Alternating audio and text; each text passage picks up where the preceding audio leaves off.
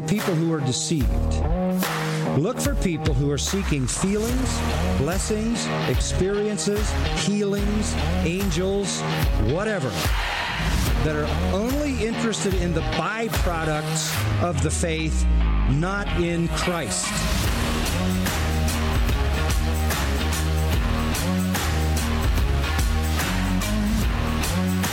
Come out from among them. Run for your life. Because this is about your life. It's not just about an opposing theology or conflicting viewpoint on Jesus. This is about your life. Run from gospels that focus only on success and prosperity. Run. Run from churches where men and not Christ are glorified. Run. Run. Body of Christ, run. Get out. Run from churches where you're comfortable in your sins. Run from preachers that stand and tell stories and jokes. Run like you've never run before.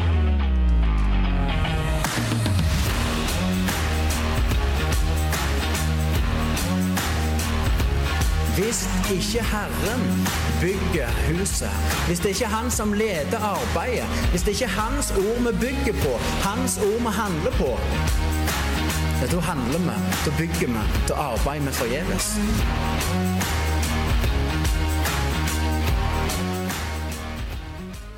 Velkommen tilbake. Da er vi på plass igjen i studio. Mitt navn er Håvard Handeland. Og med meg i studio så har jeg Thomas Oppstad. Og hvem er med dere her? Jonas. Jonas Stava, hyggelig. Vi er på plass igjen. Det har kanskje gått ei uke siden sist, men uh, vi sitter her ennå i samme klærne, og alt er nokså likt. Nei, vi, vi, vi, spilte inn to episoder den uh, første gangen, så bare har vi sluppet de ut litt med, med et lite mellomrom. Vi har lyst til å fortsette i den gata som vi begynte på sist gang. Vi vil snakke litt om trosforsvar. Det er et svært tema, mange ting kan bli sagt, men vi drypper litt her og da. og så og noe er repetisjon fra ting vi har sagt tidligere. Um, du har jo dette aspektet med evangelisering og hvordan legge fram evangeliet. Det òg er jo et, et aspekt innenfor dette her å forsvare troen si. Hvordan eh, legger en fram det? Og, sant? Med meg og Thomas tidlig, tidlig i vår vandring så introduserte han meg for Ray Comfort. og Det er jo en mann som er veldig kjær, begge to, og blitt rikt velsigna av på, på mange måter. Og igjen dette her med viktigheten av å bruke loven i å Når vi legger fram de gode nyhetene. Og mange ganger så kan det virke litt fremmed for enkelte folk. Hvorfor skal vi legge fram loven? Vi er ikke under loven nå, vi er under nåden. Sant? Nå må vi bare legge fram det. Og, og der fikk vi jo bli introdusert for viktigheten av å um, hva skal du si, forstå at vi mennesker er syndere som trenger frelse. Du vil ikke sette pris på kuren hvis du ikke først blir overbevist om at du har en sykdom. Så det er òg et aspekt av det vi snakker om nå som jeg, som jeg tror er viktig, og som vi kanskje òg kan vie en episode til. Og snakke liksom hvordan legger vi fram evangeliet, for det tror jeg òg er viktig. Men akkurat i dag så vil vi gå videre mer på hva skal du si Ja, kanskje litt mer eh, Ja, ikke nødvendigvis hvordan legger vi fram evangeliet, men hvordan eh, svarer vi kritikk kanskje imot kristendom. Hvordan, uh, Sist gang fokuserte vi jo litt på eh, typisk når en er i møte med ateister og sånn, og hvordan en kan tilnærme seg dem og prøve å vise dem hvordan den grunnvollen de står på, ofte ikke kan rettferdiggjøre den, det som kommer ut av munnen. for å si det sånn, Eller det som kommer ut av munnen, ikke stemmer overens med den grunnvollen de står på. Men da presser det jo seg fram et lite spørsmål. sant? For mye av kritikken som vi kan komme med til en, et ateistisk verdensbilde, det er jo at de har ikke en, et verdensbilde som kan rettferdiggjøre moral og rettferdiggjøre sannhet og logikk og alle de her tingene. Men det som veldig ofte skjer, da, det er jo at en artist kan si OK, jeg tror på spagetti, spagettimonsteret. Det flygende spagettimonsteret. Og på grunn av jeg eh, grunner min moral i det, det flygende spagettimonsteret. Jeg grunner min logikk i det. Så de må på en måte legge fram en form for guddommelighet. Så gjør de på en måte det samme som vi gjør.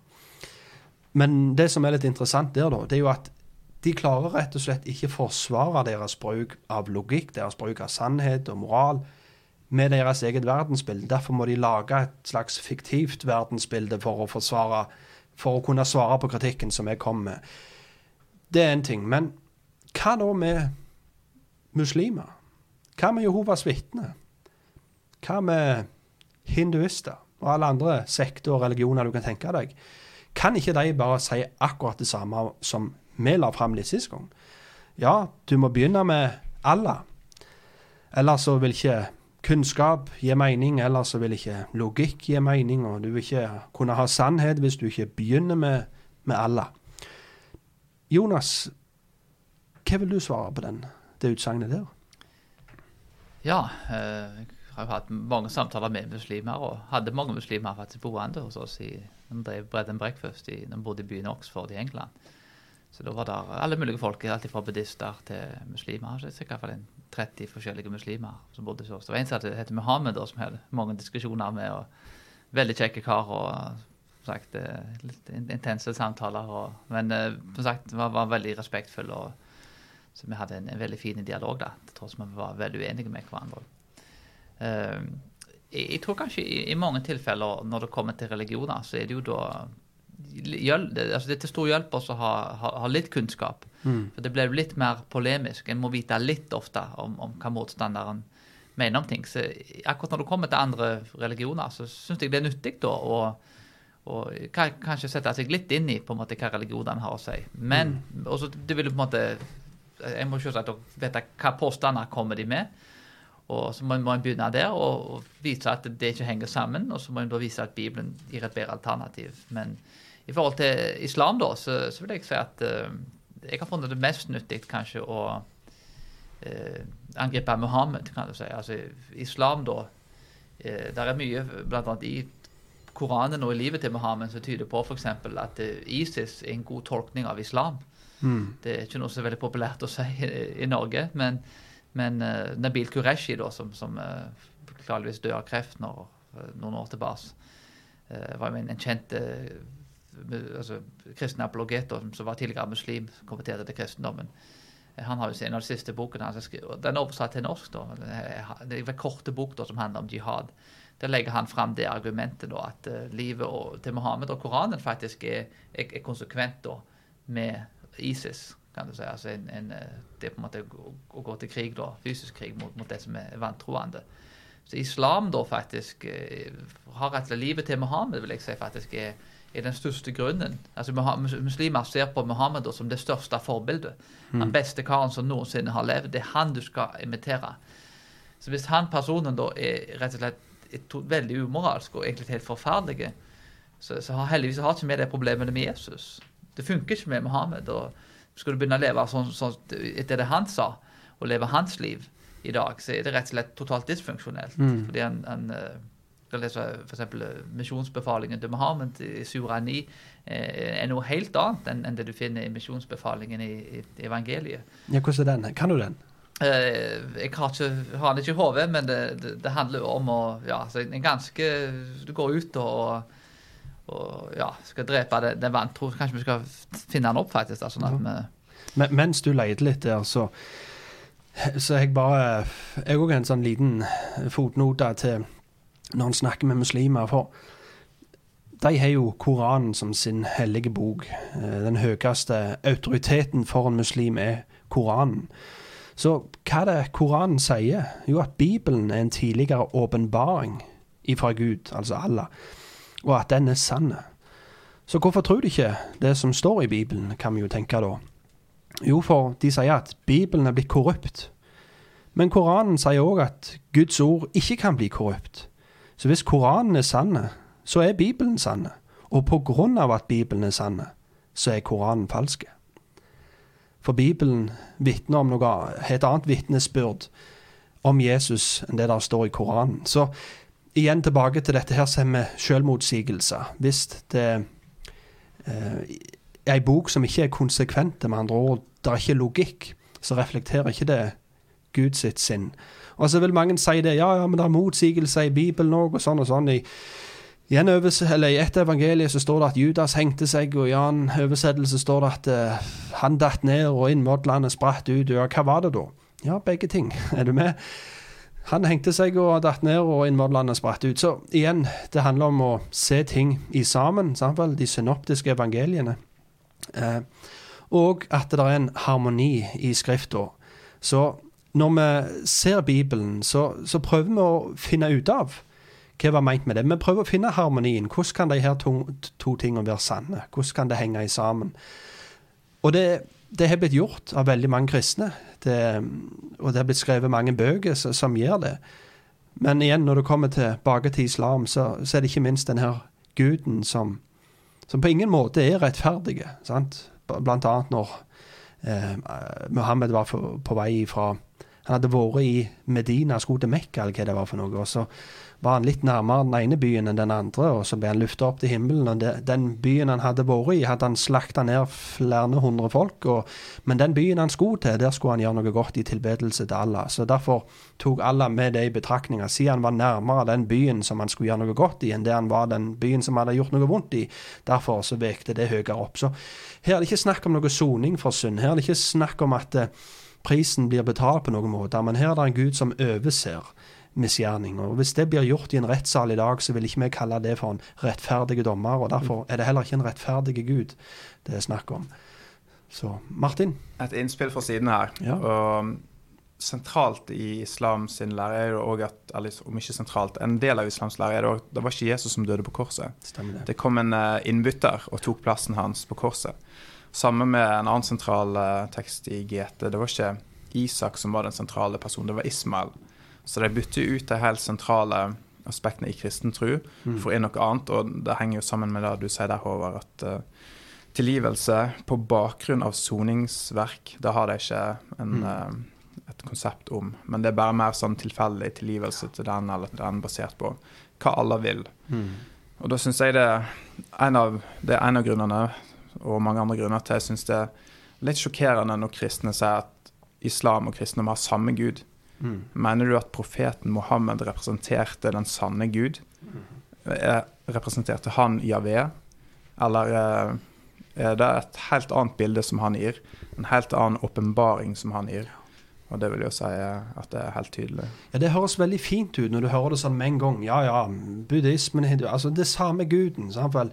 Og det her eksempelet med elefanten som vi har hørt så mange ganger. Det står fem forskjellige mennesker med bind for øynene, og den ene holder på foten, den andre holder på halen, den andre holder på snabelen. Og alle beskriver forskjellige ting som de kjenner og tar på. Sant? Den ene beskriver noe tynt mirakels, og den andre beskriver noe tjukt spetakkel. Så, så men poenget i bildet da, det er at alle holder jo på den samme tingen. De ser bare forskjellige aspekter av den samme elefanten. og Mange vil bare hive alle religionene i den gryta der og si at ja, ja, men det er samme elefanten dere snakker om. bare, sant, Dere ser forskjellige aspekter av den. Jeg har bare en kommentar faktisk til den, eh, den, eh, den, den beskrivelsen der med elefanten. Det, det, den, altså, det er en, beskrivelse av Leslie Nibbigan, den teologen og misjonæren. og Han, han sier jo at det, ja, det er alle disse folkene som tar på elefanten i ulike delene. Men det er en person da som, som står utenfor elefanten og ser at det er en elefant der folk, som folk tar på. Mm. Og han da vet jo hvordan hele elefanten ser ut. Så mm. egentlig det er beskrivelsen av elefanten egentlig den veldig arrogante påstand. Mm. Alle disse her de har biter av sannheten, men jeg ser hele elefanten. Og, og, og dermed da så, så er en faktisk med og, og setter seg over og sier at jeg har sannheten, jeg forstår alt rett. Men alle disse andre de har en totalt feilaktig forståelse. Til tross for det kan virke som en, en, en ydmyk beskrivelse av de som bruker det, så er det egentlig en, en, en ekstremt uh, altså, arrogante ting å, å, gjøre da, av de som bruker den, den, den beskrivelsen da, til å si liksom at alle religioner er like. Ja. For sannheten er faktisk det at uh, alle religioner er er fundamentalt ulike, mm. men, men, overfladisk da, så er det likheter. Mm. Og Til tross for det ofte blir formidla motsatt.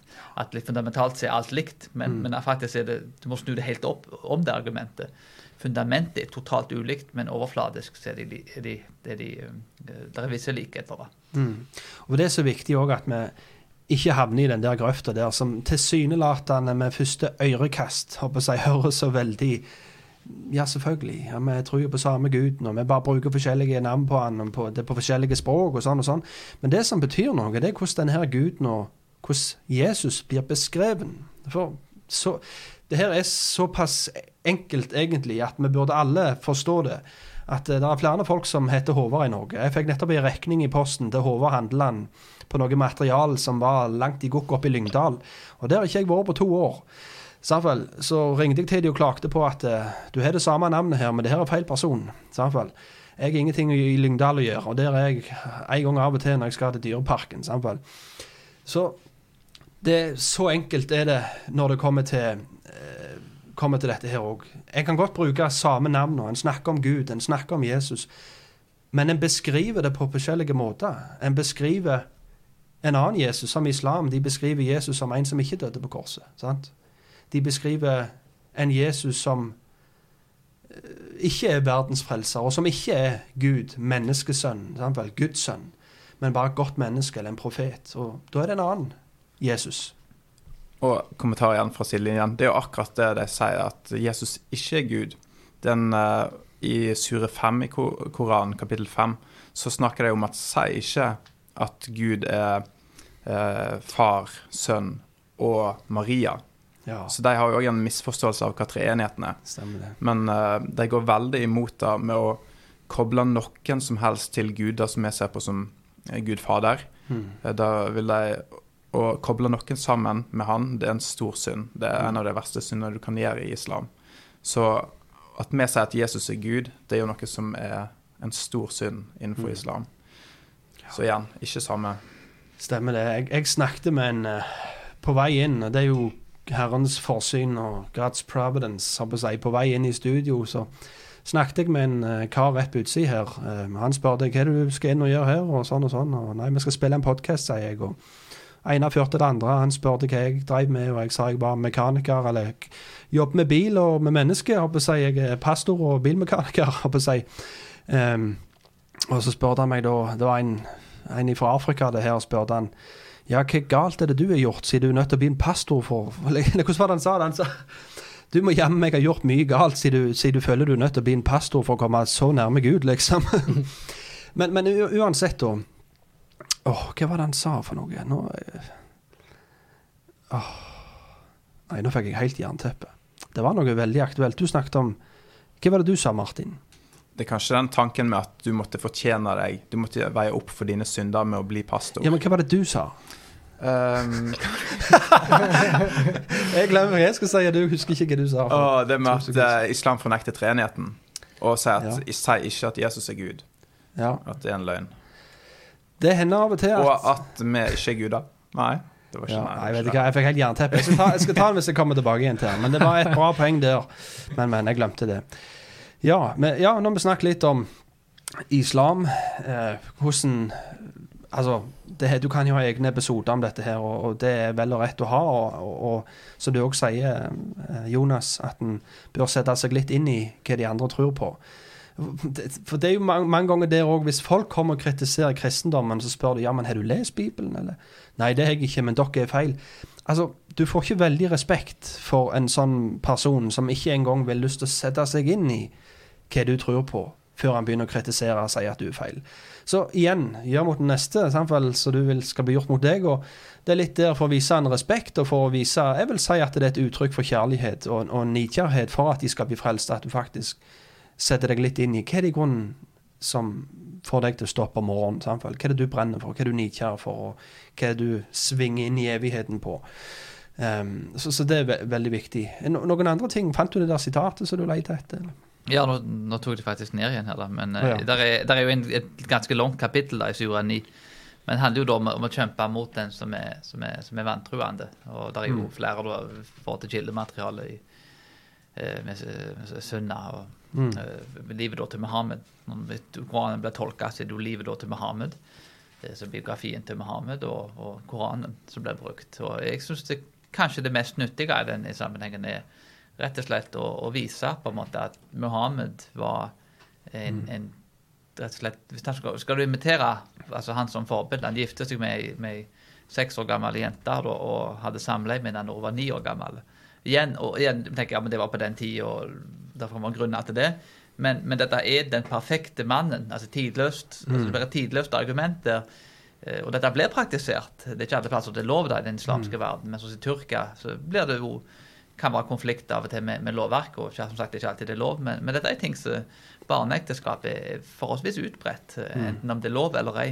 Så blir det faktisk i stor, stor grad praktisert i den islamske verden, der, der ganske små barn da blir, blir, ble, gift bort. da. Altså mm. Den mest moralske mannen, det beste mennesket som har levd, var en som hadde samleie med, med ni, år, ni år gammel jente. Mm. Og det, det, er et forbilde på en måte for, for 1,4 milliarder mm. muslimer. Altså, det viser på en måte litt av altså, han deltok i en hel haug med, med, slag og skriver ting da, om de vantruende som er helt groteske og forferdelige. Den beste måten er liksom bare se på dette forferdelige heter Muhammed. Et grusomt forbilde. Og det er han. Rent objektivt mm. sett så er ikke vi har, vi har noe godt forbilde. Eh, men vi har ikke det problemet med Jesus. Mm. Vi, vi, har noe helt annet. Vi, vi kan gi et alternativ som, som en, en, mann som, da vil at vi skulle, skulle be for folk som hater oss, og tilgi folk. Vi skulle elske fiendene våre. Så det, det er helt, noe helt annet. Jesus og Muhammed er så forskjellige som de overhodet kunne blitt. Eh, en annen ting er jo det med Går kanskje litt mer inn på den bevisbaserte apologetikken. Det. Men eh, mm. altså, de, de, de, fleste historikerne er enige om at Jesus, de sekulære ateister er enige om at Jesus var en historisk person som ble korsfesta på, på, på, korset. Det er vel oppstandelsen kanskje i større grad da folk på en måte ikke ville akseptere. Mm. Men, men det, det, det, er faktisk en, en forholdsvis uh, universelle fakta. Mens islam da sier nei, det var Judas som ble korsfesta i plassen. Mm. Og jeg skal to, påpekte det da til han som het Muhammed, som bodde hos meg den uka. Og han sa da at uh, jo, men hva var det, 700 pluss år senere, så sier Koranen dette her. Så jeg jo, men kildemateriale 700 år senere, så er det jo ikke sånn historikere opererer med ting. Mm. Vi har faktisk eh, ting som, som, skjedde 700 år før, så vi må gå til de tidlige kildene, kan jeg si. Men så blir det handla at eh, vi må tro det, på, tro det Koranen sier det på en måte uansett. For det hadde mm. liksom Allah sagt. Til tross for det er en feilaktig historisk påstand. Noe til, altså, sekulære historikere han, anerkjenner. Mm. Så det er jo på en måte ulike typer argumenter jeg kan bruke på en måte, mm. for å bekrefte det. Men, men jeg vil i hvert fall hovedsakelig fokusert på rett og slett det å Hvis du klarer på en måte å vise at Muhammed var forferdelig, og at Jesus er fantastisk, så, så kan den anvende den, den presuppositionalism da, inn i det, og mm. begynne der, og så avslutte med Bibelen og Jesus. Ja. Martin, du hadde noe ser jeg, så det trepper her. Ja, jeg bare tenkte Jonas snakker sånn i hjertet. Jeg prøvde liksom å komme inn med stikk der, men her hjertet Det var ikke masse pusting der. Men um, Han, eh, Mohammed jeg bare påpeker også, han var over 50 år når han gifta seg med den seksåringen. Så det, og jeg tror at uh, vi skapte Guds bilde. Vi har en uh, samvittighet. Og akkurat sånn som du sier, Jonas, hvis en på en måte avslører at Mohammed ikke er et godt forbilde, så vil de fleste instinktivt anerkjenne det. At på, nettopp pga. at vi er skapt i Guds bilde med en samvittighet som ikke stemmer overens med Mohammeds eksempel, så vil folk kunne anerkjenne at ja, det her var ikke et godt eksempel. Og der det står om Mohammed sin um, barnebrud og sånt, det er i Sahih al-Bukhari, som er en god hadith-samling, og andre hadith-samlinger som òg er gode. Så hadith-samlingene kan jo i islam kan jo bli rangert forskjellig, og noen blir ikke sett som gode, og andre blir, blir sett som gode. Og, men det her står i de som faktisk blir sett på som gode uh, hadith-samlinger. Mm. Ja. Eh, jeg har lyst til å ta Altså, du har jo mormonerne, men, men de er ikke så eh, godt representert her i dette landet her.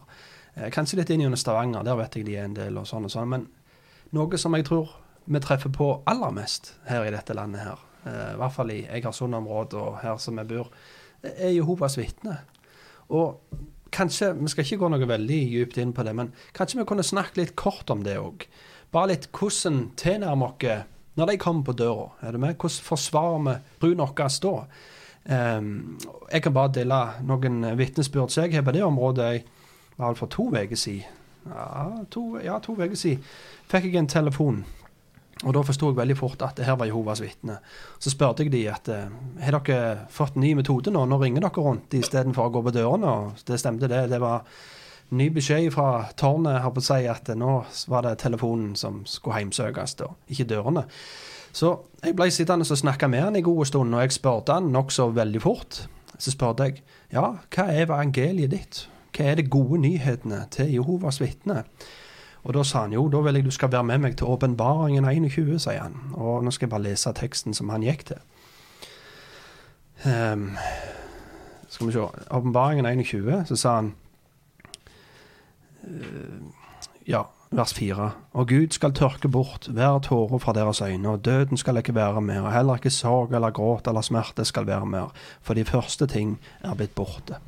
Sier han, Det er de gode nyhetene. At en dag så skal all ondskap forsvinne, og en dag så skal det ikke være noe tåring i nød, og alt skal være fred og gammen og sånn og sånn. Er ikke dette her fantastisk? Så sa jeg det at nei, det er i grunnen ikke det for en synder som meg, for jeg kommer ikke til å ende opp der i mine synder, sier jeg. Så det her er ikke gode nyheter for meg i det hele tatt. Du bare vifter en gulrot framfor fjeset mitt. Eller gulrot Jeg, jeg tåler ikke gulrøtter, men tenk noe annet. Du vifter med en donut framfor fjeset mitt som jeg ikke får røre. Så det er ikke gode nyheter i det hele. Men, men, bare for å spørre deg, da. Er det, de, fra A til Å de gode nyhetene dine? Ja, det er de gode nyhetene. Så sier jeg, kan jeg, kan jeg da få komme med et lite innspill til deg, da? Og Det er veldig viktig å la deg få lov å legge fram de gode nyhetene først, før du går videre. Eh, og Da tok jeg han med til 1. Korinterne 15, som dere kjenner. og Det er jo Paulus da som legger fram de gode nyhetene. og Der han sier dessuten, brødre, kunngjør for dere det evangelium. Altså, nå skal jeg fortelle dere de gode nyhetene som jeg forkynner for dere, som dere også tok imot, og som dere står fast i. Ved dette blir dere også frelst. Så det som er gode nyheter, det er ikke bare hva du kan få, eller, men det er faktisk gode nyheter om at du kan bli tilgitt dine synder, og at du kan få fred med Gud, han som er, du lever i opprør imot, og, og, som en dag vil dømme deg. Um, det er de gode nyhetene.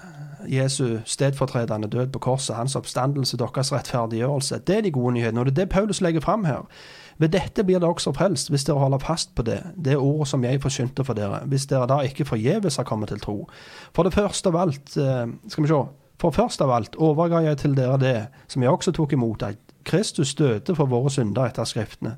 Og han ble begravet, og han sto opp igjen på den tredje dag etter Skriftene. Og han ble sett av Kev, osv. Men poenget, Paulus, når han skal legge fram de gode nyhetene, så er det sentrale i det budskapet Jesu død og oppstandelse. Hans død på korset for vår synde, og hans oppstandelse vår rettferdiggjørelse. Og, Hvis det er deres evangeliet der fra åpenbaring 21, mm. uh, så kan jo det på en måte resultere i at det kan mest høres ut som universalisme. For det er ikke snakk om på en måte Hvis det, er, hvis de, hvis det bare er en sånn enkel forståelse at mm. gode nyheten er at Gud skal tørke vekk hver tåre, mm. at det gjelder alle, ja. da vil jo det ja, som jeg sa, det, det, vil på en måte ende opp i universalisme, og det vil gjelde alle. Han skal mm. tørke vekk hver tåre av hvert menneske. Og igjen så vil jo det vise seg Eller så vil jo det òg ikke være uh, rett i forhold til Bibelen når vi vet at Da blir det på en måte som Gud overser synd. Mm. med det. Og, og, det som på en måte blir naturlig å gjøre etterpå, da, det er jo å gå til Galaterne 1, der Paulus skriver eh, vi undrer meg over at dere så snart vender dere bort fra ham som kalte dere i Kristi nåde, til et annerledes evangelium, som slett ikke er et annet. Men det er noen som forvirrer dere og vil forvrenge Kristi evangelium. Men selv om vi eller en engel fra himmelen skulle forkynne dere et annet evangelium enn det vi har forkynt dere, han være forbannet. Som vi har sagt før, sier vi nå igjen, hvis noen forkynner dere et annet evangelium enn det dere har tatt imot, han være forbannet. Så her sier Paulus det at hvis det er noen som forkynner et annet evangelie, så hviler det en forbannelse over dem. Og realiteten, og jeg spurte han flere ganger, ja, du vil ikke legge noe til de gode nyhetene der. Det er de gode, Jeg brukte dette ordet her, så dette er de gode nyhetene fra A til Å i, ditt, i, i din lære da. Ja, det er det, sa han, og sånn og sånn.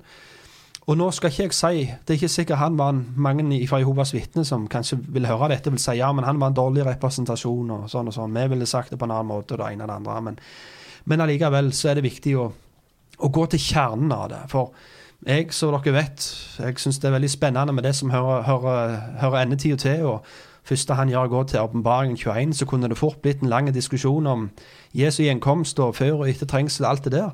Men alt kommer til alt, så er det ikke det det handler om. For til og med vi som sitter rundt bordet her, og Martin eh, bak kulissene, vi har litt forskjellig perspektiv når det kommer til detaljene med det som hører framtida til. Men det betyr ikke at vi er forbanna av den grunn. Sant? Og han kommer ikke til himmelen, for han tror vi skal gjennom trengselen osv. Ehm, det er ikke det det handler om. Det spørsmålet er igjen hva gjør du med Jesus, og hvilken Jesus er det du tror på?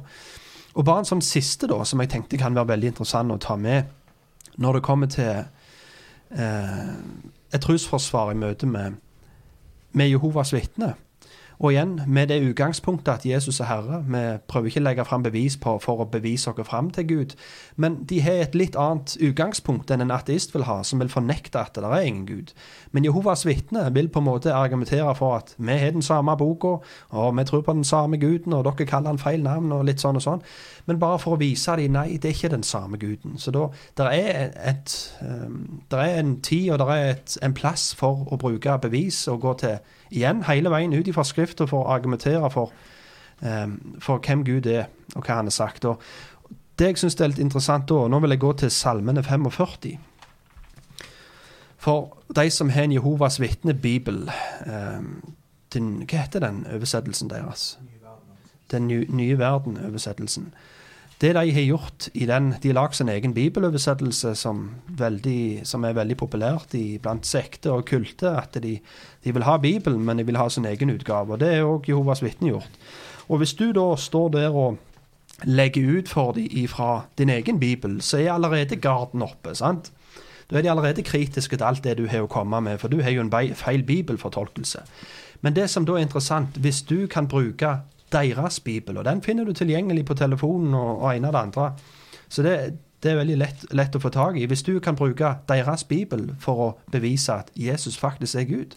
For som vi leser om i Johannes 8, så står det at hvis du ikke tror at 'jeg er', altså navnet til Gud, ego er mi, så skal du dø i dine synder. Så Det er en, en av de sentrale lærerne. Sant? Hvis du tror bare på Jesus som en god person Og nå kommer jeg tilbake igjen til det som han her, karen jeg snakket med, med inngangsdøra.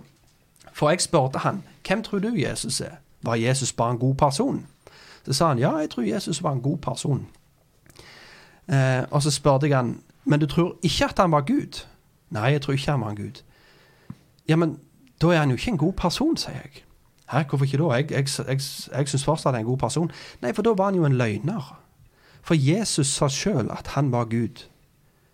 Og du kan ikke kalle en som lyver, for du tror ikke han er Gud. Du kan ikke kalle en som lyver, en god person. Da var han en tulling, må du heller si da.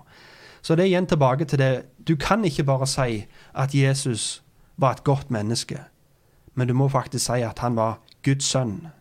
At han var det ene medlemmet av treenigheten. Han var sant Gud og sant menneske, som han sjøl sa. For ellers så vil du si han er en løgner. Men til Salmene 45 nå. Din trone, Gud, står i all evighet. En rettferdighets kongestav er ditt rikes kongestav. Du elsker rettferdighet og hater ugudelighet. Derfor har Gud, din Gud, salvet deg med gledens olje framfor dine brødre. Så igjen, da spør jeg Jehovas vitne, hvem er det det er snakk om her? Din trone, Gud, står i all evighet, osv. Nei, nei, det er jo det er jo Jehova, vil de si. sant? Og det vil jeg si meg enig i. Ja, det er Jehova. Um, for å komme de litt i møte, så bruker jeg, bruker jeg det navnet her på seg. Men, eh, og ei annen salme jeg vil gå til. Lurer på om det er salme 100 og Salme 104. Eh, skal vi se Nei, det er Salme 102, tror jeg det er, faktisk. Eh, skal vi se. Salme 102.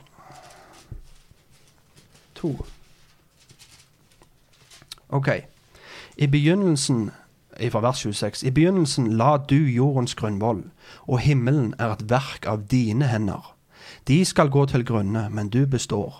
Ja, de skal alle eldes som et klesplagg. Som en kappe skal du skifte dem ut, og de skal utskiftes. Men du er den samme, og dine år har ingen ende. Dine tjenerens barn skal bo trygt, og deres ett skal stå grunnfestet grunnfestet for ditt åsyn. Og jeg spør Jehovas vitne det samme spørsmålet. Hvem er det det er snakk om her? Og du vil si ja, Jehova. Gud. sant vel? Og det jeg gjør da, det er at jeg går til Hebreerne 1. For som jeg sa, de har lagd sin egen bibeloversettelse.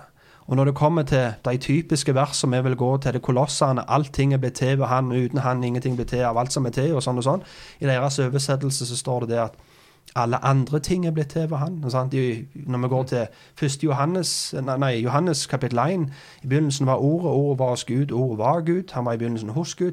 Sant? Der har de formulert det til i begynnelsen var Gud. Um, og hvordan er det det? Kan dere den formuleringa? Ja, Martin? I begynnelsen var ordet, ordet var hos Gud, og ordet var én Gud. Stemmer det. stemmer det. Men det jeg gjør da, da går jeg til hebreerne, for dette er en plass der de ikke har omformulert. Dette er en plass der de ikke har lukt ut eller forandra. Men da går jeg til Hebreane 1, og jeg leser fra vers 8. Og husk nå, når jeg først tok de til salmene 45, og så jeg tok de til salme 102 etterpå. For det som er tingen i Hebreane 1 her, her siterer forfatteren av hebreerbrevet salmene 45 og salme 102. Men hør hva han begynner med før han siterer de salmene. Han begynner i vers 8. Men om Sønnen, sier han, din trone, Gud, står i all evigheters evighet. En rettferdighetskongestav var ditt rikes kongestav. Du har elsket rettferdighet og hatet lov, lovløshet. Derfor har Gud din Gud salvet deg med gledens olje framfor dine følgesvenner. Og du, Herre, i begynnelsen la du jordens grunnvoll, og himmelen der verk av dine hender. De skal gå til grunne, men du består, og de skal alle eldes som et klesplagg. Som en kappe skal du folde dem sammen, og de skal skiftes ut, men du er den samme, og dine år har ingen ende. Og husk han begynte med. Om Sønnen, sier han. Og da Min erfaring er i hvert fall det at når jeg spør en Jehovas vitne, leser dette for han, så blir han litt overgitt. Han tenker oi, ja, dette må jeg, dette må jeg tenke på. Og da går viselig fram. Ikke sånn jo, kom igjen, ha-ha, liksom, der tok jeg deg. Ikke ta den. Men bare si, tenk litt på det. Og gi dem gjerne nummeret og si kom tilbake til meg. Og, og, for dette her har de ikke et svar på. sant? I hvert fall ikke et svar som er konsekvent. Og jeg tror virkelig at dette her er et vers som kan være med å, å skinne lys. Og det samme med Johannes 12 òg, når Johannes siterer Jesaja 6. Sant? Jesaja 6 et av de mektigste bildene av Gud. Sant? Når han sitter på tronen i himmelen, og serafene står for før og roper 'hellig, hellig, hellig', sant? og hele, hele tempelet blir befylt av hans herlighet osv. Og, og det siterer Johannes i Johannes 12. Og så siterer han det verset og sier han, og dette sa han når han talte om Jesus. Så den som sitter på tronen, ifølge Johannes, i, Jesaja 6, det var Jesus. Og det er òg en tekst som heller ikke er blitt lukt vekk i deres oversettelse. Så det er to gode plasser å gå til for å prøve å, om Herren vil, å, å mjukne opp deres hjerte og nå inn til de da. Så det var bare en sånn fotnote. Noen av dere andre ser noen tanker på hvordan kan Uh, ja, jeg kan legge til en ting til. at det Til og med i den Jehovas vitnebibelen, i den der studieutgaven deres, så er de samme bibelreferansene lagt inn til Gamletestamentet. Ja. Så hvis du går til Johannes 12 i de sin studiebibel, så vil det være henvisning til Jesaja 6 ja. i den teksten. Der de så han, ja. ja. Så uh, jeg vil anbefale sånn, hvis du snakker med Jehovas vitne, så last ned uh, hva var den oversettelsen heter for noe? Ny verden-oversettelsen på telefonen, og bruk den. Fordi de, de ser din bibel og tenker dette er bare tull uansett. Du skal ikke høre på den. Um, så ja. Mm. Funker fjell. Kjempe. Ja. ja. Bare en liten sånn kort det, Som sagt, det er en uh, det er en plass for bevis, det er en plass for å um, Og vi kan kanskje spørre ja, når er det vi skal legge fram bevis? Gjør vi ikke da Jehovas vitne til dommer og bevis? Altså, hvordan går det an å gjøre dette her til ære for Gud? Har dere noen tanker om det? Liksom, hvordan klarer vi å sammenfatte dette her, så har vi presupposisjonalisme i lag med det som kanskje blir kalt for eh, evidensbasert apologetikk. Hvordan forener vi de her to?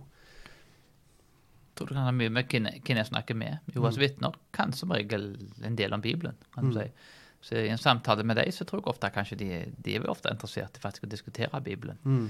Men uh, igjen, snakker en med sekulære, så vil jo være den, den, den forutsetningsbaserte apologetikken å være mer uh, Kanskje mer nyttige. Uh, mm. Kommer du da på en måte til islam og andre religioner, så burde jeg kanskje vite litt om religionene. At en har i hvert fall to-tre. Og det går jo fint an å få en, en grei oversikt der en har, har noe altså En leser en bok om hver ting, kanskje, og mm. setter opp noen punkter, liksom, og kanskje memorisere det til og med. at En har liksom, en, en trenger ikke alltid liksom vite alt og mm. bli ekspert på alle disse tingene, men, men det, få, noen få ting kan være kanskje mm. akkurat de tingene en trenger, da, de samtalene. Så det er nok uh, Selvsagt, samtaler går jo altså De flyter jo litt av seg sjøl av og til. og mm. så jeg kaller meg selv en soft presuppositionalist. Det er jo fordi det, det, er ikke alltid på en måte en, noen ting så, så, altså Jeg styrer jo ikke alltid samtalene. Og av og til så kan det være nyttig å, å ta fram beviser. Men det tror jeg slett må, må skje organisk da, i, i, en mm. samtale. da, og, og, jeg vet jo at eh, sånn som William Lane Craig da, er et sånn klassisk eksempel på argumenterer da for Guds eksistens og de tingene. Og jeg kjenner jo folk som har blitt frelst gjennom den tjenesten han har. kan mm. si, og det er jo åpenbart at Gud kan jo bruke alle mulige ting for å føre folk til frelse. Mm. Men jeg tror allikevel hvis Jeg er nok litt redd for hvis vår konklusjon, eller det vi sitter igjen med når vi svarer på dette spørsmålet 'Hvordan ble du frelst?' Hvis svaret vårt da er 'Nei, jeg hørte noen gode argument', og derfor så tenkte jeg det var mest fornuftig å tro på, på Gud, Bibelens Gud. Og jeg tenker da, hvis det er på en måte argumenter som var så overbevisende som gjorde at du nå kom til tro, så en dag når du rygger ut bilen din fra garasjen, og så kjører du over din egen unge som ligger og leker rett bak deg, så var plutselig argumenter litt imot Bibelens Gud. For da tenker du kanskje at nei, jeg tror ikke Bibelens Gud fins, for da hadde han jo stoppet dette her. Så jeg, jeg, jeg tror absolutt Gud kan slå et beinslag med en beinest, eh, beinslag med en skeiv stav, om du vil. Men, men, jeg tror i hvert fall det er viktig å tenke på at uh, Som det står òg i ordspråkene, um, kapittel Stol ikke på en egen forstand, men i alle ting sett en lite herrene, hvordan det står at ja, at, at det, det, er ikke vår egen fornuft som får oss fram til Gud. Men igjen, som vi begynte siste episode med, men det var et verk av Gud fra begynnelsen. Det var han som jobbet i hjertet, det var han som åpna øynene våre. Og som det står i, i 2. Timoteus, så står det be om at de må få omvendelsens gave til sannhetserkjennelse, slik at de kan komme ut ifra Satan snarere, for de ble jo forblindet av han slik at de måtte gjøre hans vilje. Så det er noen aspekt der. At det er Herren som må gjøre et verk. Vi kan så, og vi kan bruke bevis. Vi kan sant, vise grunnvollen de står på, som er inkonsekvente med det som kommer ut av munnen. Men alt kommer til alt. Så jeg tror vi på en suverene Gud som må bytte ut et hjerte av stein med et hjerte av kjøtt. Og det kan han gjøre, som vi òg snakket om med det her drømmene som, som blir eh, vitne om i, i, mange forskjellige områder av verden. Men det er allikevel gjennom at de får bli kjent med personen Jesus. Og så Derfor poenget mitt med alt dette her er at jeg, jeg er litt redd for folk som sier jeg er kristen i dag pga. dette og dette argumentet. Da tror jeg en har litt for feil forståelse av hvordan frelsen fungerer.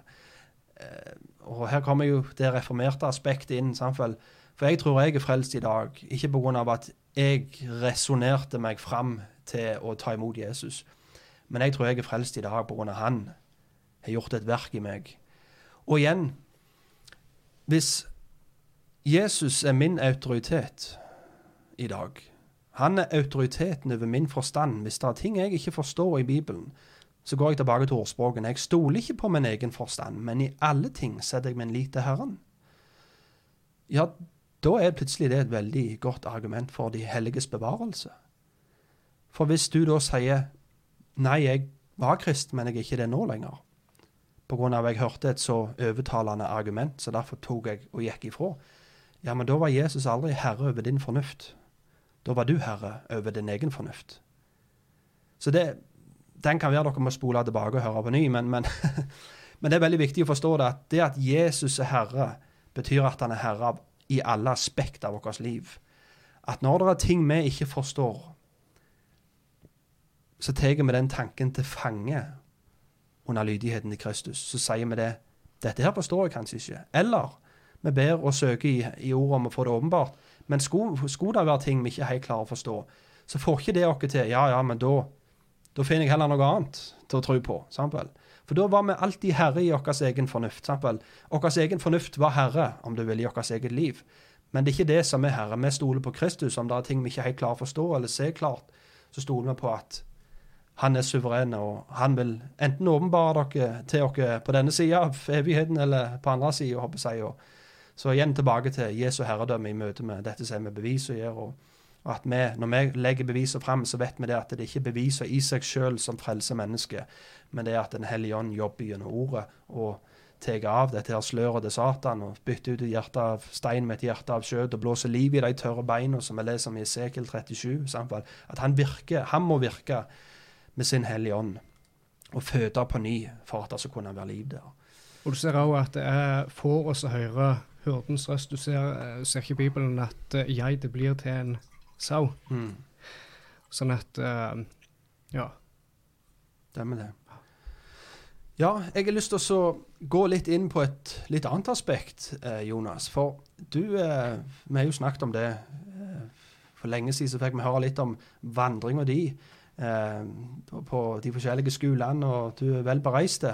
Både i, i ja, det teologiske landskap, men òg geografisk, håper jeg. Eh, jeg har lyst til å høre litt, for du har jo vært på Westminster Seminary, og det er jo ikke noe tvil om at det, eh, det er en del høvdinger som både, både, er der nå og lærer, og som òg er kommet ut derifra. Så kanskje du kan fortelle litt når det kommer til dette som har med trosforsvar. For denne her måten å forsvare troen på er jo veldig godt representert og undervist fra Westminster i USA. Kan du legge litt fram hvordan dette her Du ble introdusert for dette, da? Ja. Uh, ja, så jeg eh, først og fremst, Det var litt, litt interessant med for, ja, så for til reising. Jeg var jo egentlig ikke før jeg ble kristen ikke, jeg hadde aldri tenkt å reise noen plass. kan du si, og Jeg likte ikke å reise. kan du si da. Så jeg synes det var veldig morsomt da, at uh, i dag så har jeg jo besøkt mer enn 20 land og bodd på flere kontinenter. Kan du Si, og Det er jo av Herrens nåde, kan du si. Det. Det, er ikke, det er jo litt morsomt at det har ikke vært planlagt av meg, men men Herren da har åpna opp ulike dører rundt omkring. da. Så jeg, jeg begynte jo da i, i Ungdom i oppdrag. Det, eh, og der eh, eh begynte jeg da å lese det var et, eh, jeg ble lese Francis Schaefer, volumene til han. Og det var noe som virkelig var Jeg hadde ikke lest noe sånt før. og jeg husker jeg tenkte da hvor eh, Hvor har han her studert? tenkte jeg. Hvor har han fått tankene sine fra? Så hadde han da vært på Westminster og vært undervist av Van Til.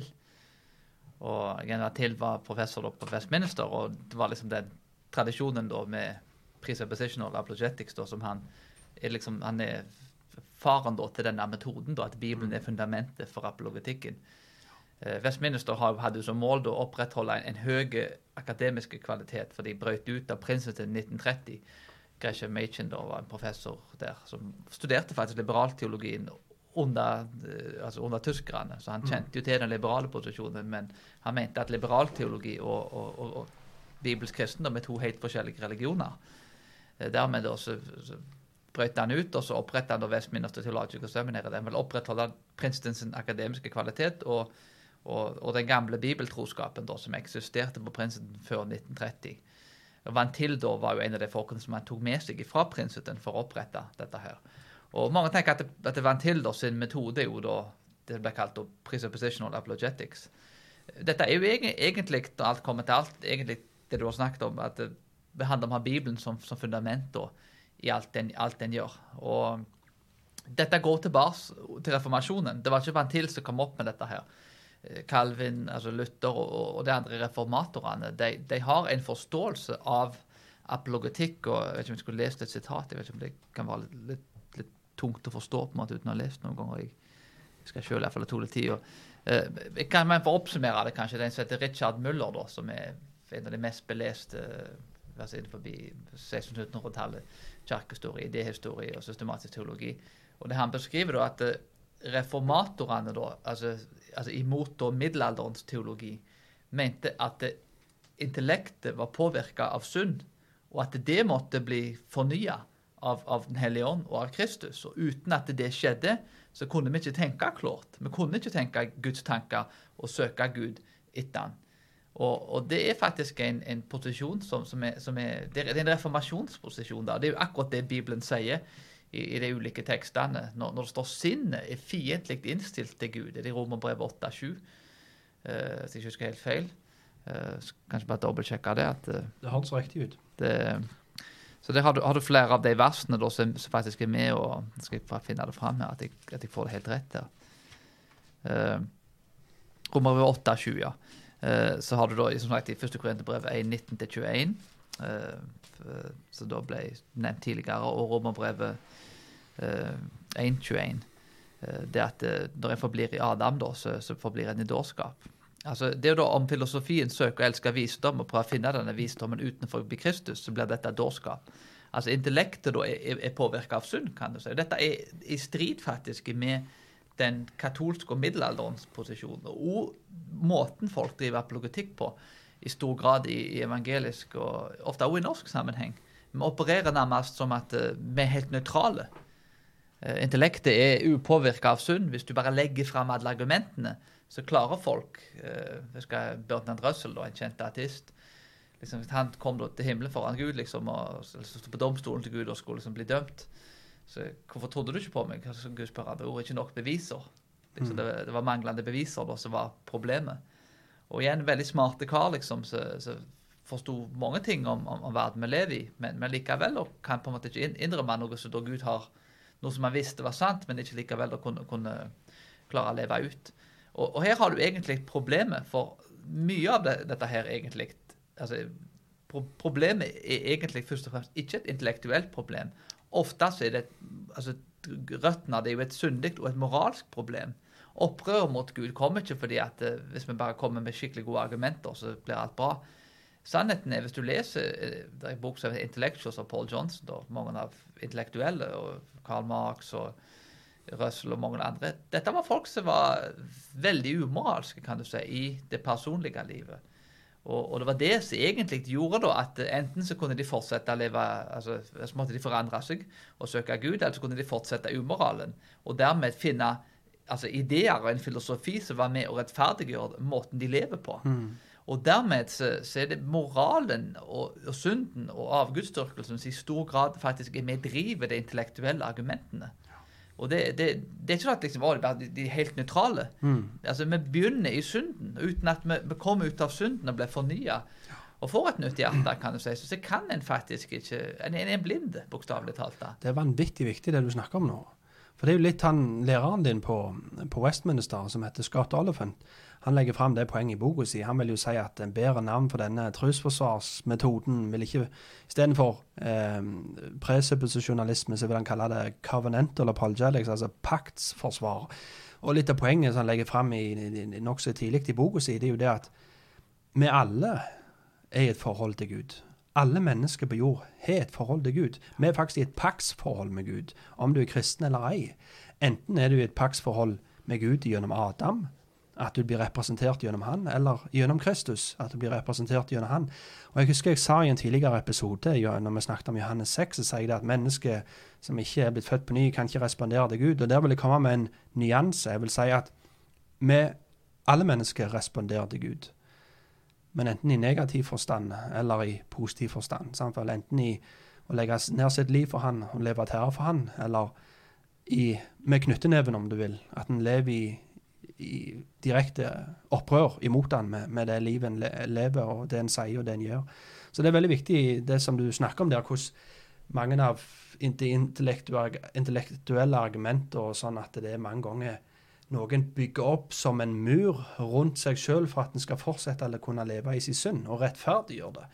Så, så, ja, veldig bra poeng at, at det er ikke nødvendigvis mangel på bevis som gjør at de ikke vil ta imot. Men det er at deres kjærlighet til deres synd er så store. Derfor vil de ikke komme til Gud. Det er jo det der står i Johannes 3 òg, at dette er dommen at lyset kommer til verden, men verden elsker mørket høyere enn lyset pga. deres gjerninger onde. Og den som gjør det onde, vil ikke komme til lyset for at hans gjerninger ikke skal bli avslørt. Så der er du på en måte inne på kjernen av det. Og når du snakker om mange av de her intellektuelle folka som hadde liksom en ting til felles, at de levde veldig umoralske personlige liv, og igjen òg da igjen være så fiendtlige imot Gud på denne måten for at de vil på en måte rettferdiggjøre sin livsstil og rettferdiggjøre at de vil fortsette å leve sånn til den dagen de dør. på en måte. Så det er jo et, på mange måter et uttrykk av et ekstremt opprør, egentlig, imot den guden som de vet eksisterer, ifølge Roman 1. Ja, absolutt. Altså. Og der, der, har du jo da Et eksempel da vil jo på en måte altså være Karl Marx, kan du si. En filosof som er altså, egentlig i stor grad lever i sitt beste velgående altså i mer moderne former. Men uh, igjen, altså, en uh, styrer verden i stor grad vil jeg si, i, i graven. da. Mm. Og det er en person som uh, altså, Kanskje en av de mest avskyelige folkene som har levd altså på sin tid. Jeg dømmer folk som regel på standarden i sin tid. Mm. Altså, jeg tar ikke vår standard i dag. og så at han, Men igjen, altså, det er som en, en person som da som elsker menneskeheten, men hater enkeltmennesker. Okay. kan du si, for, for si det. det er ofte en god oppsummering generelt sett av, av intellektuelle. altså Mange av de verste av de, Men, men, han var rett og slett en eh, Og der har du altså målet hans er, er å fjerne Gud ifra tronen. Mm. En av hovedtingene. Kan, han skriver jo mye faktisk om, om, om, om djevelen og Lucifer og, og dikt og andre mulige ting. Og, så Det er litt fascinerende å se kan du si, at uh, kjernen av hele den filosofien han, han vektlegger, da, marxismen og kommunismen, så de siste, årene, altså, de siste 100 årene drepte 100 millioner folk, kom egentlig så, som, som et, han, konstruerte egentlig et system som starta med hans eget syndige liv, kan du si, der han der, altså, slett var helt forferdelig. Altså, ja, altså, et forferdelig antisemittisme. Altså, hadde du lest det Mark skrev om jøder, til tross for han sjøl var etnisk jøde, så utrolig nok, og kom fra rabbier, kan du si, og, og konverter, altså, foreldrene konverterte til kristendommen, så skriver jo han ting om jødene, mener jeg Hitler kunne ha skrevet. kan du si da, og eh, Rasisme og, og, rett og slett behandling av arbeiderklassen. En groteske behandling av arbeiderklassen. Og alt dette her da kom som et opprør mot Gud, som er hovedmålet hans, er å fjerne Gud fra tronen sin. Mm. Ødelegge familien, ødelegge eh, kapitalismen og avskaffe, avskaffe privat eiendom. alle de tingene. Men, men, det er fascinerende. et veldig godt eksempel på å se hvordan en person på en måte Det moralske livet er med egentlig å, å, å konstruere for å, for å, rettferdiggjøre det, så konstruerer han en filosofi som leder til at 100 eh, millioner stykker er blitt drept. Og som i min mening er filosofi siden den dag i dag i forhold til kritisk teori og sånn. Det kommer mye, i hvert fall grunnleggende fra mye fra Marx. Eh, er faktisk med å ødelegge mye av samfunnet. da. Mm. Og det, det, det, tror jeg faktisk i hans del at det er mye som tyder på at, at han faktisk gjorde det bevisst. da. Mm. Han gleda seg rett og slett av å rett og slett rive ned samfunnet. Mm. Det, og det er fascinerende å se altså, synden i oss. altså Hvis, ikke den, altså, hvis vi ikke lever etter, kan du si, så, så er det, det er noen unntak, selvsagt. Så, så vil vi heller ikke klare å konstruere de rette ideene om virkeligheten og hvordan den henger sammen. Så det begynner faktisk i det moralske livet.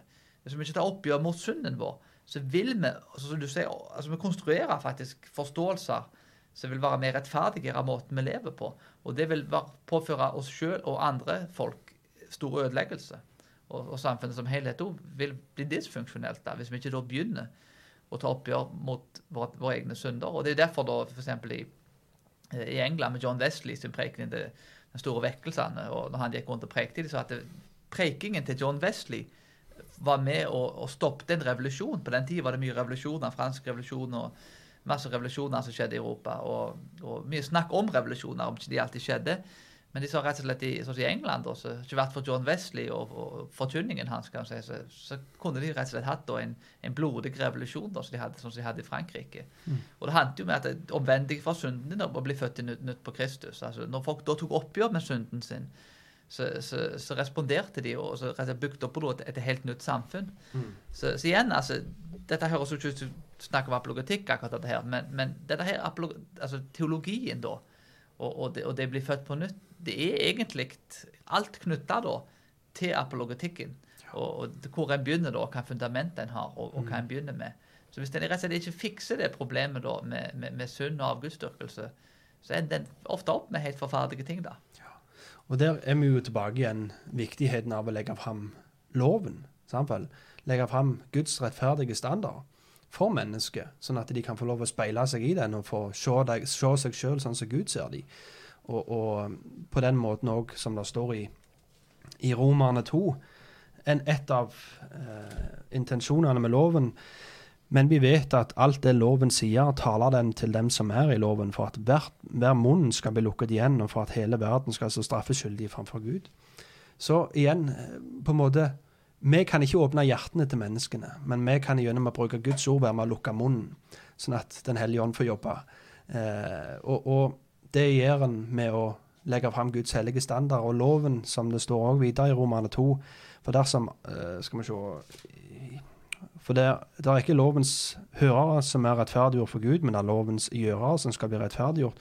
For når hedningene som ikke har loven, av naturen gjør det loven lærer, er disse sin egen lov, selv om de ikke har loven. De viser at lovens gjerninger er skrevet i hjertene deres. Om det vitner samvittigheten sammen med dem. Så Loven er skrevet, lagt ned på hjertet til mennesket. Og, Og det er derfor òg samfunnet i dag, uansett hvor langt i gokk de er, så er det mange ganger grunnleggende lover som reflekterer veldig mye Guds lov. For det er noe som er lagt ned i oss. De fleste land er det lovlig å ta et annet liv. Det er lovlig å stjele, og alle sånne ting vil bli straffbart. Og igjen, de viser da at de er reflektert i Guds bilde. Og, men igjen, holde de, alle de her lovene som menneskene lager, er alltid veldig tilslørt av vår arv og miljø og synd. Sant vel? Så igjen så får vi holde opp dette speilet og vise hva Guds rettferdige standard er, og igjen tale på den måten og uh, jobbe med som Ray Comfort sier, som Brann sier. Se for deg at um, ateisten er som ei borg, og på innsiden Du må åpne porten for å komme nå inn. Men uh, da trenger du å ha noen på innsida som kan hjelpe deg å lukke opp den porten. Og den personen der heter samvittigheten. Han spiller på ditt lag. Eh, så med å på en måte tale til samvittigheten gjennom å legge fram Guds hellige og rettferdige standard, så er det på en måte en fin nøkkel som kan være med å lukke opp porten for at eh, evangeliet kan nå inn, for å si det sånn. Men hele veien med nødvendighet at, at Herren virker gjennom det med sin Hellige Ånd. Martin? Ja, du må, Jeg trenger ikke gå videre på her hvis du ikke vil, men jeg tenkte på det du sa, Jonas, med hvordan vår synd og våre tilbøyeligheter former vårt verdensbilde, at vi danner det ut derifra. Og så lurte jeg på om du ville si noe Kanskje det snakket litt om det i stad. Men av og til så får jeg eh, mener jeg å se at eh, filosofien og en eller annen tankegang ligger til grunn for teologien. Så eh, snakket du om det i stad? Ja, du satte en eh, bra frase på det. Du sa vel at teologien må ligge til grunn og informere filosofien, og ikke omvendt. Mm. Ja, og der, og der, kunne du snakke snakket litt om det, fordi at den katolske kirke har jo vært veldig preget av Aristoteles, og kanskje via Akvinas og sånt. Og Der eh, vil jeg gjerne høre hvis Jonas har noe å si rundt, rundt det. For det ser jeg på som en fare med Det er noe vi må vokte oss sjøl for òg. At vi ikke lar våre egne tilbøyeligheter forme vår teologi. At vi ønsker at det skal være sann, derfor så vil vi ikke tro på Vi syns det er vanskelig med utvelgelse, og det stiller mange vanskelige spørsmål, så derfor vil vi helst ikke tro det. Så da, da tror vi heller noe annet. Så det er noe vi alle må passe på. Men har du noe jeg spiller den ballen til deg i forhold til ja. både Aristoteles og, og Aquinas og ja. Absolutt, altså. Og det er jo helt sant det du sier, kanskje. Jeg sier alltid, jeg alltid til folk, eh, ofte i diskusjoner, at uh, altså, både folk er enige og uenige med, at uh, i mange, mange tilfeller så, så, så, så, håper jeg at jeg tar feil, og du tar rett, kan du si. Så det er Mange av konklusjonene jeg ender opp med, er faktisk konklusjoner som jeg, som jeg selv skulle ønske var feil. kan du si, og det Eh, da vet en iallfall at en, en er en måte ikke motivert av, av ting en, en, vil skal være rett. Det var Et eksempel også, kanskje, på det du nevnte, ble jo da Mohammed. kan du si. Han tok da ikke et oppgjør med sine egne seksuelle lyster. Endte opp da med, med, med, med 13-16 kroner, og, og, tok da ikke et oppgjør da mot, mot lysten da med å være sammen med en ni år gammel jente. Og dermed da så oppretta han en, en, en hel religion der da han fikk en guddommelig rettferdiggjørelse for det han gjorde. Mm -hmm. Hadde han ryddet opp i det fra start av, og vendt seg ifra det, så hadde han, og det at han skapt en ny religion, så hadde han konstruert et lovverk som ville reflektere måten han levde på. Mm. kan si. Så Det også et eksempel på det. Men, men, i forhold til det du sa da, så vil jeg vil bare si det først før jeg går inn på Aquinas. og uh, Norman Geisler, kan du si, på det teologiske seminaret som han underviste. Han, det, det er jo Thomas Aquinas står liksom en stor stjerne. Og det som skjedde der, er at uh, altså, Thomas Aquinas da var jo egentlig ikke katolikk. altså Det katolske kirka oppsto vel litt sånn som vi forstår den i dag i Council of Trent for ca. 500 år siden. Og, uh, så, så, igjen, det, når oppsto egentlig den katolske kirka, er et spørsmål. Men uansett, altså, Aquinas var jo en, i fall en, en, en stjerne blant katolikkene. Og han har bra ting å si. Han, han har en grå hatt, som Scott Alefint ville sagt det. da. Uh, han har mye bra, men, men en del ting som en bør være skeptiske til. Men det som skjedde der, da, at nettopp pga. denne metoden, da, at liksom, intellektet er nøytralt, og Aquinas fikk en så stor plass, så var det veldig mange faktisk som, eh, som ble utdanna til, til å være, være, pastorer og teologer på et protestantisk seminar under Norman Geisler, da, som er en av de mest kjente protestantiske teologene. Jeg tror faktisk han har skrevet rundt 80-100 bøker, så han er veldig dyktig forfatter. Eh, men jeg lurer på om det var, fra, om det var 10-20 stykker da, som konverterte til katolisismen. Og jeg lurer faktisk på om det var en professor og to faktisk som konverterte. Og det var liksom, Hvis Aquinas sin, eh, sin filosofi, apologetikk, er så god, hva er galt med teologien hans? Liksom, Han var en knallsmart kar, liksom. Det, kanskje han òg har en ganske brukbar teologi. For fornuften, kan du si, den kan det, altså Du begynner med deg sjøl som en autoritet. Og det er jo det egentlig i stor grad vil si, Geisler gjør med hans metode. at det er ikke, altså, så Da kan en fort ende opp med at ja, men den katolske kirka, en kan vippe over der, eller en kan vippe opp med Bibelen. Vippe, det er ikke nødvendigvis at hans konklusjon leder til Roma, men jeg vil si at han kan mye lettere lede til Roma. En begynner med seg sjøl, og så kikker en på Bibelen og Roma, så ender en opp på en av plassene. da. For da liksom etter hva en sjøl, da, i plassen da, for, for, å begynne med Bibelen som, som en grunnleggende autoritet. Så, så og, han har da, og det er nettopp det med Thomas Aquinas. da, som, Når det er en debatt om dette Arsis Sproul ville uh, vært uenige med dette om han hadde levd. Han mente jo da at uh, Thomas Aquinas er blitt mistolka av Francis Schaefer og Van Til og Scott Olefint og, og, mange andre. Det er faktisk en diskusjon om det på Covenantal Apologetics, på videoen på, på, YouTube med Scott Olefint.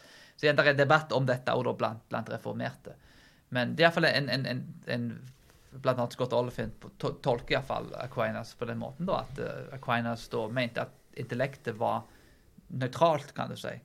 At at i stor grad da, Han integrerte da filosofien og teologien. Og kan ofte vil si da, jeg vil ofte kanskje sagt da at uh, vi trenger, For å få nåden liksom så trenger vi Bibelen, den guddommelige åpenbaringen. Men for å organisere livene våre, familie, andre andre ting, så, så kan vi komme opp til de konklusjonene ved hjelp av fornuften.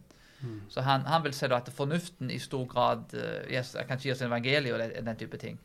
Men uh, nesten til alt annet så er faktisk da fornuften ganske brukbare.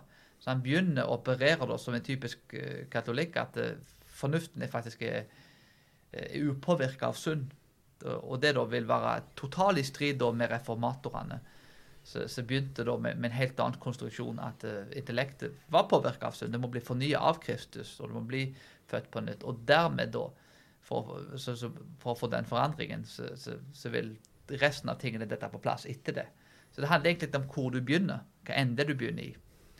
Uh, så igjen, når, når, du ser på mye av den apologetikken som ble drevet, så er det veldig mye mer i tråd da, med, med, Thomas Aquinas og Aristoteles kan du si, enn uh, en det er faktisk med, med, med protestantisk reformasjonsteologi. da. Mm. Så, så, både konsekvent både med Luther og Calvin og så går, etter min mening går helt tilbake til det du faktisk finner i Bibelen.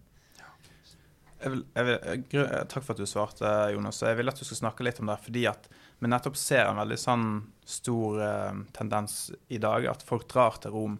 At folk ukritisk omfavner den katolske kirke som ei sann kristen kirke. Og du har store ledere i den protestantiske kristenhet, hvis en kan snakke om det i det hele tatt. og som Joel Osteen og store ledere i antall følgere, ikke i god teologi. Du har Joel Osteen, du har Rick Warren, du har um, andre som er veldig, ja, veldig milde mot den katolske kirke, og som det virker som om det ikke er noen grunn til å ha splittelse der. og sånn, mm. så Det var derfor jeg tenker det kan være litt relevant. Ikke, for mange var det her kanskje litt fjernt, men jeg tror det er viktig at det blir tatt opp det her. Så. Det er noe for alle i denne podkasten. Vi prøver å nå ut til lekmannsbefolkninga, og så av og til så er det en, en, teolog som har lest litt historie, så er det litt for han òg. Så vi prøver å nå ut litt til noen og hver. Eh, nå har du eh, når du bare legger, legger ut noe Når han, når han hever ut her noen tanker om kat, den katolske kirke her, så ja, ja da, hvis, du vil, kan, eh, hvis, du vil, tenne på det bålet, så sett i gang. ja, jeg kan, eh, jeg kan nevne to-tre ting som faktisk fant opp her. og uh, det, Årsaken da faktisk til at de som studerte under Geisler, hva var det som gjorde at de da konverterte da til Roma, at det var såpass mange av de? Og Det var flere grunner til det, da, men uh, Thomas Aquinas fikk en stor plass da, en sånn stjerne liksom, på det teologiske seminaret. Uh, fornuften var i, satt i høysetet. Si. Fornuften opererte nærmest som en autoritet i seg sjøl. Og var vel egentlig for jeg forstår det de skriver, var egentlig ikke underlagt Bibelens autoritet. De ble kanskje ikke formulert akkurat sånn, men uh, det er for sånn som jeg forstår det. Uh, altså, Teologien da ble rett og slett underlagt fornuften, og det er filosofien som får se Herren i hus. Mens, mens teologien i Bibelen da blir gjort, gjort, om til en tjener. Og det er jo akkurat det motsatte av det Luther sa, at uh, filosofien da må bli gjort om til en tjener, mens teologien og Bibelen da blir gjort om til, til Herren. Så det handler om prioriteten og hvor du begynner. Uh, det handler om uh, armenismen òg, kan du si, at nåden da er synergistiske. at mennesket Og nå er jo ikke armenismen det samme da som den katolske teologien, men, men det er jo da en, en semi-pelagianism. Hva ble det på norsk? Semipelagianisme. Semipelagianisme, ja. OK. Mm. Da jeg studerte alltid det på engelsk, det er alltid godt å mm. oversette det i farten. Uh, men uh, det er jo altså, altså, det ble jo ikke helt likt hos armenismen igjen. Mm. Men det handler jo om at du jobber i lag da, med Gud for frelsen. Så, du ender veldig enkelt opp, iallfall mye enklere opp i, i Roma med den typen frelseslære. At det er ikke Gud og monarkisme, at det er Gud som frelser. At det er han som, som, står bak frelsen. Så dette var en annen grunn da, til at de, de, endte opp i Roma. At det manglet rett og slett på en, på en reformert forståelse av Gud og frelse. Mm. Uh, og så er det da at uh, uh, ja, altså Mangel på kirkehistorie. Det var, det var, en annen ting. altså De ble på en måte ikke opplært kirkehistorie. Og, og, det er jo litt interessant at uh, igjen, altså, hva er grunnen til at folk egentlig konverterer? Og, altså, det er jo veldig sammen, altså, Ingen kan vel egentlig kanskje altså, måten Det folk sier, det de formulerer, er jo ikke alltid en refleksjon om hva som egentlig har skjedd. Det kan ha skjedd personlige ting i livene deres, og det er masse andre ting. Mm. Men jeg syns det er interessant at uh, det var disse tingene i som virket til, å stå forholdsvis sentralt. Og når du da avviser egentlig både Bibelen og, og, og og reformasjonsteologien og denne forståelsen av apologetikk, som ble gjenfunnet da etter middelalder. Og mange tenker at liksom, de var så antiintellektuelle i middelalder. De brydde, seg de brydde seg ikke om filosofi eller noen ting. Altså, nei, det er akkurat motsatt. Altså, middelalderens teologer uh, var mye mer opptatt av filosofi i visse tilfeller enn en teologi og Bibelen. Så filosofien ble integrert da med uh, teologien. Og, og filosofien fikk en kjempestor rolle, kan du si, i, uh, i, i kirka. Altså, det, ja, det er ulike greiner, der folk mente forskjellige ting. Mm. Men, uh, men, jeg vil nesten si at uh, det som skjedde da reformasjonen, er rett og slett at du, du, du, du fikk rett og slett gjort filosofien da om til en tjener, og ikke da at det var herren i hus. Mm. Og Sånn var det faktisk ikke i, i middelalderen. Så det er litt morsomt å se Mye av den kritikken mot middelalderen er faktisk ofte feilaktige. De hadde rett og slett sett fornuften totalt i høysetet. Mens, eh, mens, reformasjonen da fant det igjen, kan du si, gikk tilbake til, til, Paulus, til Jesus, til Bibelen. og, mm. hadde det da, gjenfant det som et fundament. Og i dag så er vi ferd med kanskje i større grad vi mista det. da, For dette her er ikke ting som, som blir som blir undervist i stor grad. Altså, det er liksom at du skal liksom jobbe i lag nå, adel, kirkesamfunn, og jobbe for sånn, mer som en felles kristendom. Og jeg tenker det at uh, hvis vi ikke altså, får folk tilbake mener jeg, til, den, til den Kristus og det evangeliet som du faktisk finner i Bibelen, Eh, altså, jeg, jeg, jeg, mener at det katolske kirka ikke har evangeliet. kan du si. De har et evangelium som fører folk til fortapelse. Så jeg blir ikke glad hvis, hvis noen blir katolikk. kan du si. Mm. Det, det gir ikke meg en glede med tanke på frelsen til folk. Det er en antikrist, kan du si, det er paven. Og, og, det er noe i dag som igjen du, som James White har sagt med flere anledninger, at det, eh, du får ikke noe spesielt store den podkasten Jeg ødelegger podkasten her nå, at den sprer ut til mange folk. Det, men, men, det er noe rett og slett du du blir ikke spesielt populær som apologet hvis du sier disse tingene i dag. Liksom. Du skal liksom jobbe sammen og, og den type ting. Så, så det, det, er litt, litt, fascinerende å se at uh, den romerske teologien da, med, med, med, Thomas Aquinas i stor grad faktisk har inntatt måten faktisk protestanter driver apologetikk på. Mm. Og det er faktisk ganske skremmende å, å, å se det. Jeg anbefaler å, å lese det Scott Oliphant. Han vokste faktisk opp som katolikk. da. Så han kjenner jo veldig godt til nettopp den type tank tankegang, og, og, var oppdratt i en katolsk tradisjon da, og mm. konverterte da til, til, protestantisme. Så han jo kjenner, gjenkjenner disse tingene mye kjappere. Men absolutt anbefaler det bøkene hans og ja, Skal vi bare ta en sånn eh, anbefaling når du først er inne på det? Jeg har en bok her, 'Covenantal Apologetics'. Jeg viser den til kamera. Så hvis vi får på et kamera der, zoom inn. der, 'Covenantal Apologetics'. Han går i detalj gjennom mye av det som vi har snakket om. Men uh, selvfølgelig en uh, mye mer grundig innførelse. I, og det var jo læreren din på Westminster. Ja, ve veldig kjekke kar. Ja, du kan vise boka di. Ja, det Hva for kamera? det er ikke. Det er kamera. Der. Jonas. Der er det, ja. ja, der var det. Ja, OK. Ja, okay sånn, ja. Jeg tenkte på det kameraet. The battle belongs to the Lord. All right. Jeg vil bare, bare si det at eh, jeg har studert, tok, altså jeg tok bachelorgraden i kristen apologetikk, så jeg har på en måte vært introdusert for alle de ulike metodene. Og jeg lærte jo masse alle plassene jeg var. Og, og, men jeg vil bare si at det, var, det, slo meg skikkelig når han, når han underviste apologetikk. Kanskje, for Noe sånt hadde jeg aldri sett før. Han begynte å gå gjennom Bibelen. Og det er viktig å vite om Scott Oliphint han, han er veldig godt skolert i filosofi. Kan du si, Og ekstremt smarte kar. Han kunne kommet med masse filosofiske argumenter. Men han begynte å si rett og slett at kampen tilhører Herren. Altså, David vant kampen altså Det er tatt fra David og Goliat. Og David vant kampen mot Goliat pga. at det, eh, han satte liten sin til Herren. At det var han som skulle vinne slaget. Mm. Det var ikke, det, det, var, det, var ikke, det gjorde seg ikke avhengig av sin egen kraft. Uh, det handler ikke om, om menneskelig styrke, da, som Goliat hadde, men det handler rett og slett om en, om en liten kar som gjorde mm. seg totalt avhengig av Guds kraft for å vinne kampen. Og han begynte rett og slett bare å legge ut Bibelen, gå gjennom bibeltekster. Og, og begynte en, rett og slett en apologetikk. Og jeg var sjokkert faktisk når jeg, når jeg, så det. Jeg hadde aldri sett noen begynne å undervise apologetikk på den måten før. Mm. Og, og, han sa her, her, det er Bibelen som vi skal gå gjennom her. Og han gikk jo gjennom andre ting senere. Men, men, det er kraften da som vi finner i Skriften. så Det er det som er med å, å omvende folk og, og gir folk evangeliet til frelse først og fremst. Det er rom for andre ting, men, men de må ha en sekundære roller, ikke primære roller. Mm. Jeg syns det er litt interessant, for det var jo, når jeg eh, sjøl først ble introdusert da for denne form for apologetikk, så tenkte jeg dette er jo noe helt nytt. Men sånn som du har poengtert på en måte, sånn som vant til, at han leste jo Han tok sin inspirasjon fra reformatorene. og altså Du kan argumentere på at uh, det vil ha sitt opphav i Bibelen, liksom. Mm. Uh, men når på en måte Var det på 1930-tallet du sa det liksom ble gjenoppvekt igjen? Uh, på, uh, ja, altså det var 19... Eller det var da de gikk ut ifra prinsen, iallfall. Men når på en måte Ja, det som en kan kalle covenantal eller presuppositional ja, apologetics. Det... Når det på en måte kom litt fram i lyset igjen i universitetet, var det noe som skapte mye debatt og diskusjoner? Kom han ut i hardt vær, han Cornelius Fentil? Ja, altså Han gikk jo fra jobben sin på Princeton. da. Det, jeg kjenner ikke akkurat til hva de personlige forholdene hans var der. Men Princeton da ble jo veldig liberalt, kan du si. Og mye av den liberalteologien da i Tyskland hadde begynt å komme inn. For de hadde ikke doktorgrader i Amerika på 1900-tallet. Og så reiste de til Tyskland for å få doktorgradene. Og dermed så, så, så kom det mye av den Vi vet jo, jo hva som skjedde i Tyskland på si, fra 1930 og fremover. Og det var jo pga. Et, et, et sekulært livssyn da. altså Det var jo ikke mye teologi igjen i Tyskland, altså, altså før det.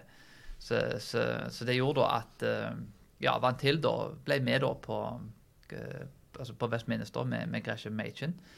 Og var med da og la til rette. Så egentlig så rekonstruerte han egentlig altså Bibelens og reformasjonens apologetikk. Og av, Et av målene med dette her er jo det at og det, det Scott Oliphant sier jo, at det, det handler egentlig altså hvis du, altså en, en person som Gonzales som hadde, hadde sagt henne i klassen at ja, nå skal vi studere apologetikk. Nå kan vel legge hjem, uh, Bibelen hjemme. Vi trenger ikke ta den med oss nå, liksom. Og, og, han ble veldig irritert på det, kan du si. at Nei, det er akkurat motsatt. Du legger filosofien hjemme, og så tar du Bibelen mm. med deg her. Mm. Bibelen skal være med deg når du, når du, når du holder på. Ja, det er jo det som er sverdet. sverdet. Du tar med deg sverd når du går ut i kamp, som står i Feserbrevet. Og, og det er jo nettopp det at det, det handler egentlig om Hvis at du trenger alt dette med filosofi og og alle disse tingene, som kan være nyttige. Altså, mm. igjen, Dette har verdi, dette òg. Men da tar du egentlig, og så, og så fjerner du, uh, du, du, du du, tar vekk muligheten for den vanlige personen til å drive apologetikk. Mm. Altså, du, du, tar egentlig uh, altså Det er kun filosofene som kan holde på med dette her. Stemmer. Det er ikke vanlige folk. Og hvis du leser Bibelen, så står det at den, the common man understood him, altså den vanlige personen. Det var ikke det skriftlærde og filosofene alltid som forsto Jesus. De jo forsto Jesus. Det var ikke det at det, er frelse for alle. Men, men uh, igjen, se på norsk historie, f.eks. Altså, Hans Nilsen Hauge er jo kanskje den personen i norsk historie som har hatt mest betydning. En, en, en bondegutt som kunne Bibelen sin og kunne forsvare seg. og det er vel ingen kanskje som har, har gjort større ting da i den moderne norske historien enn Hans Nilsen Hauge en helt alminnelig kar som tok fram et enkelt sverd, som var det, det åndelige sverdet, da, som var Bibelen, og forandra Norge som land, både gjennom vekkelser og, og gjennom måten han påvirka samfunnet på. Apropos det sverdet, jeg bare kom på et godt bilde. For mange ganger så er det jo sånn i dag at vi, vi blir indirekte opplærte til at uh, vi kan ikke bruke Bibelen for å forsvare Bibelen. Det er jo sirkulært, liksom. Det, det går jo en vond sirkel. Men når det er vår autoritet, så kan vi ikke appellere til noe ut forbi den for å bevise den. For da blir jo det den vår autoritet. Det blir f.eks. hvis vi sier jeg er den raskeste bilen i hele verden, Og nå skal jeg bevise det for deg med å ta en tauebil og hive den opp på tauebilen og kjøre bånn gass ned fartsstripa. Nei, da viser jeg jo hvor rask tauebilen min er. Jeg viser jo ikke hvor rask racerbilen min er. sant? Og det er mange ganger sånn òg. Vi skal bevise Bibelen bare med å bruke eksterne bevis. Ja, da blir jo det den høyeste autoriteten. Men det er der vi kommer tilbake til Bibelen sitt sjølvitnesbyrd. Bibelen kan forsvare seg sjøl. Vi skal ikke stå framfor ei løve og fortelle hvor skarpe tennene har. Vi bare slipper løva løs. Og det er det samme med òg hvis du har på en måte det her kjente bildet med to riddere som møtes på et jorde. sant? Og Fullt utrusta med rustning, skjold og sverd og hele pakken. Og den ene ridderen sier til den andre jeg tror ikke på sverdet ditt, så det må du legge vekk. Jeg godtar ikke at du bruker det i denne kampen. Legger du da vekk sverdet og begynner å overbevise han ut ifra matematikk og fysikk ene eller andre på hvor skarpt dette bladet er, og at du tar fingeren, sklir tommelen ned på bladet og sier 'se, det er blod', Nei, du gjør jo ikke det. Du kutter den, så finner han fort ut at dette sverdet her er ekte, om han tror på det eller ei. Og sånn er det litt med Bibelen òg, at om folk sier det, ja, men du kan ikke bruke Bibelen for å bevise Bibelen. Ja, det er ikke det Bibelen sier. så går vi bare rett til Bibelen, tar opp sverdet, og så hogger vi i vei. Og så er det åndens kraft og, og, og bevis, håper jeg. Eh, så, så, ja, jeg, liker det fokuset som jeg føler kom fram i de her episodene. at eh, jeg heiv ut i siste episode, at eh, så oppsummerer alt med å si at ja, det er ikke det Bibelen sier, så kommer det Guds ord. Poenget mitt er ikke at det er det som er svaret hver gang noen kommer med et spørsmål, men det er det som bør, bør være presupposisjonen vår, altså utgangspunktet. At vi står med begge føttene planta godt med Bibelen som autoritet under beina våre, og at det er Jesus som Herre, og at, at beviser skal ikke bli lagt fram for å nå fram til Gud, men at det er Gud, Bibelens Gud, den treenige Gud, som vi må begynne med for at i hele tatt det skal gå an å snakke om bevis, sannhet, løgn, moral, logikk og alt det. Han må ligge til grunn. For Guds frykt er begynnelse på kunnskap, og alle kunnskapen som visdom og skatter, er skjult i Kristus. Og dette sier jeg for ingen skal bedra dere med, med menneskelig visdom, som han sier i Kolossene. Og, det er i grunnen det, kort oppsummert, vi snakker om her. Og jeg bare at all, all, all, argumentasjon er, er sirkulære. Mm. Så I den forstand så vil jo alle vil jo på en måte ha en autoritet som de begynner med. En muslim vil ha Koranen, en kristen vil ha Bibelen. Mm. Og en som driver filosof, vil ha fornuften sin. Mm. Altså, da, altså, det, det, altså, det, er sant da fordi fornuften sier det. Ja. Så igjen, altså, En kan faktisk ikke hele tatt argumentere. En må faktisk forutsette en autoritet for å hele tatt kunne argumentere konsekvent. da. Og dermed da, så, så, så, vil jeg si at det er et argument som, er, som står like svakt på en måte på, på mm. motstanderen. Altså, vi skal liksom bare stole på fornuften og den, den personens sin konklusjon, til tross for at folk kommer til ulike konklusjoner. Mm. Så all, all argumentasjon er, er sirkulære, kan du si. Så det, det er noe måte, alle må forholde seg til. på en måte, Ikke bare kristne. Stemmer det. Ja. Kan du legge til et par ting? Ja. Um, ja, uh, angående at uh, vi har en sirkulær tro på Skriften, som er i utgangspunktet sant. Alle har jo en sirkulær tro, men som kristne så har vi jo på en måte litt mer enn det. Vi har òg Den hellige ånd som validerer Skriften. Så det blir ikke det samme som at uh, jeg går opp sier Koranen og sier at Koranen er sann fordi at Koranen sier det er sann. Men når vi sier at Skriften er sann fordi at Bibelen sier at det, det er sant, så har vi òg fengt Den hellige ånd som har åpenbart Skriften for oss og gjort den levende. Mm. Så um, ja. Det blir litt mer enn bare sånn vanlig menneskelig sirkulær uh, argumentasjon, da. Men jeg vil legge til at uh, når vi snakker om apologetikk, så er det ganske mange moderne apologeter som vi prøver å begrense apologetikk til kun å bevise Guds eksistens. De vil ikke røre teologiske ting. Bare si at det er på en måte på utsida av um, ansvaret for apologeter. da. At det er mer sånn kirke, det er i hvert fall mer små gruppesamtaler og litt sånn. Uh, jeg vet at både du, Jonas og Martin har skrevet litt på internett angående dette her. Og nå skal ikke jeg bruke kjempelang tid. Men uh, er sånn som per preformert lekmenn, så ja, jeg, jeg, tror vi si majoriteten av episodene har i hvert fall en apologetisk uh, duft til seg. Mm. Um, og det er, bare, det er, jo for det meste teologiske, da. Uh, Jonas, syns du det er en passende bruk av termen apologetikk å um, si at uh, en av formålene med apologetikk er altså ikke bare bevise at Guds eksistens eller at Bibelen er sann, men òg snakke om reformert teologi framfor eh, mer synergistiske teologier, f.eks., som blir mer sånn internt kristent. da. Ja, det vil jo være veldig avhengig av da, hvor en eh, Jeg mener på apologetikkforumet på, på, Facebook så mener jeg på, på at de, de definerte apologetikk der òg faktisk som både eksternt og internt. At de hadde den utvendige, men også den innvendige. Så, så, jeg vil absolutt si det at uh, Jeg vil si at teologien definerer og avgjør hvordan apologetikken blir. Jeg vil si at Teologien bør egentlig være fundamentet. Hvis vi ikke har god teologi, mener jeg, så kan vi egentlig ikke drive apologetikk på den måten som Gud vil vi skal gjøre det på. Så Dermed mm. så, så, bør alle apologeter først og fremst være teologer før de er filosofer, og så ikke motsatt. Mm. Så dermed, så, så, jeg vil absolutt si det. Si det. det er jo etter hvem jeg snakker med, den interne apologetikken da. Eh, og så, Som reformert så vil jeg si at det er jo den fordelen at uh, vi fungerer som et middel til, da, som Gud ofte bruker da, til å, å, bringe folk til frelsen. Uh, men, men, den reformerte teologien gjør oss veldig avslappa og forhåpentligvis ydmyke og sier at jeg kan ikke frelse noen. Jeg, kan ikke bringe folk til frelse. Det er Gud som gjør det. Jeg er heldig at jeg får fungere som, som det minste og som middelet som, som, blir brukt da, til å føre folk til den frelsen. Men, men jeg da som person er rett, For meg har det vært rett og slett veldig avslappende. Mm. Folk sier ja, men liksom, du trenger ikke gjøre noen ting. Du, du trenger ikke gå ut og vitne, liksom, for Gud frelser sine uansett. Uh, ja, han, han, vil frelse sine uansett, og heldigvis er ikke det avhengig av meg. Men for, deg, for meg så er det, er det, frigjørende. Jeg får lov til å fungere som middel, men samtidig så vet jeg at det er ikke avhengig av meg. Jeg gjør mitt aller beste. Jeg ber om at det skal bli velsigna, og så vil Gud gjøre resten, da, som den mm. sangen til Keith Green med uh, Jeg husker ikke hva sangen heter. men så, så, det er jo Den reformerte teologien er ufattelig frigjørende egentlig i apologetikken. at du, Det ligger ikke på deg. liksom. Jeg lurer på Hvis jeg hadde brukt litt bedre ord, og hvis jeg hadde liksom lagt fram skikkelig, lest flere bøker, så da kunne jeg klart oss overtalt de. Og det er ikke det at vi, vi, må lese flere bøker, vi må jobbe hardere, vi må jobbe for å bli bedre. Men, men heldigvis så er det ikke avhengig av oss, og det, det er faktisk en, en, en, god ting, til tross for at det blir brukt som kritikk mot det som er mm. reformerte.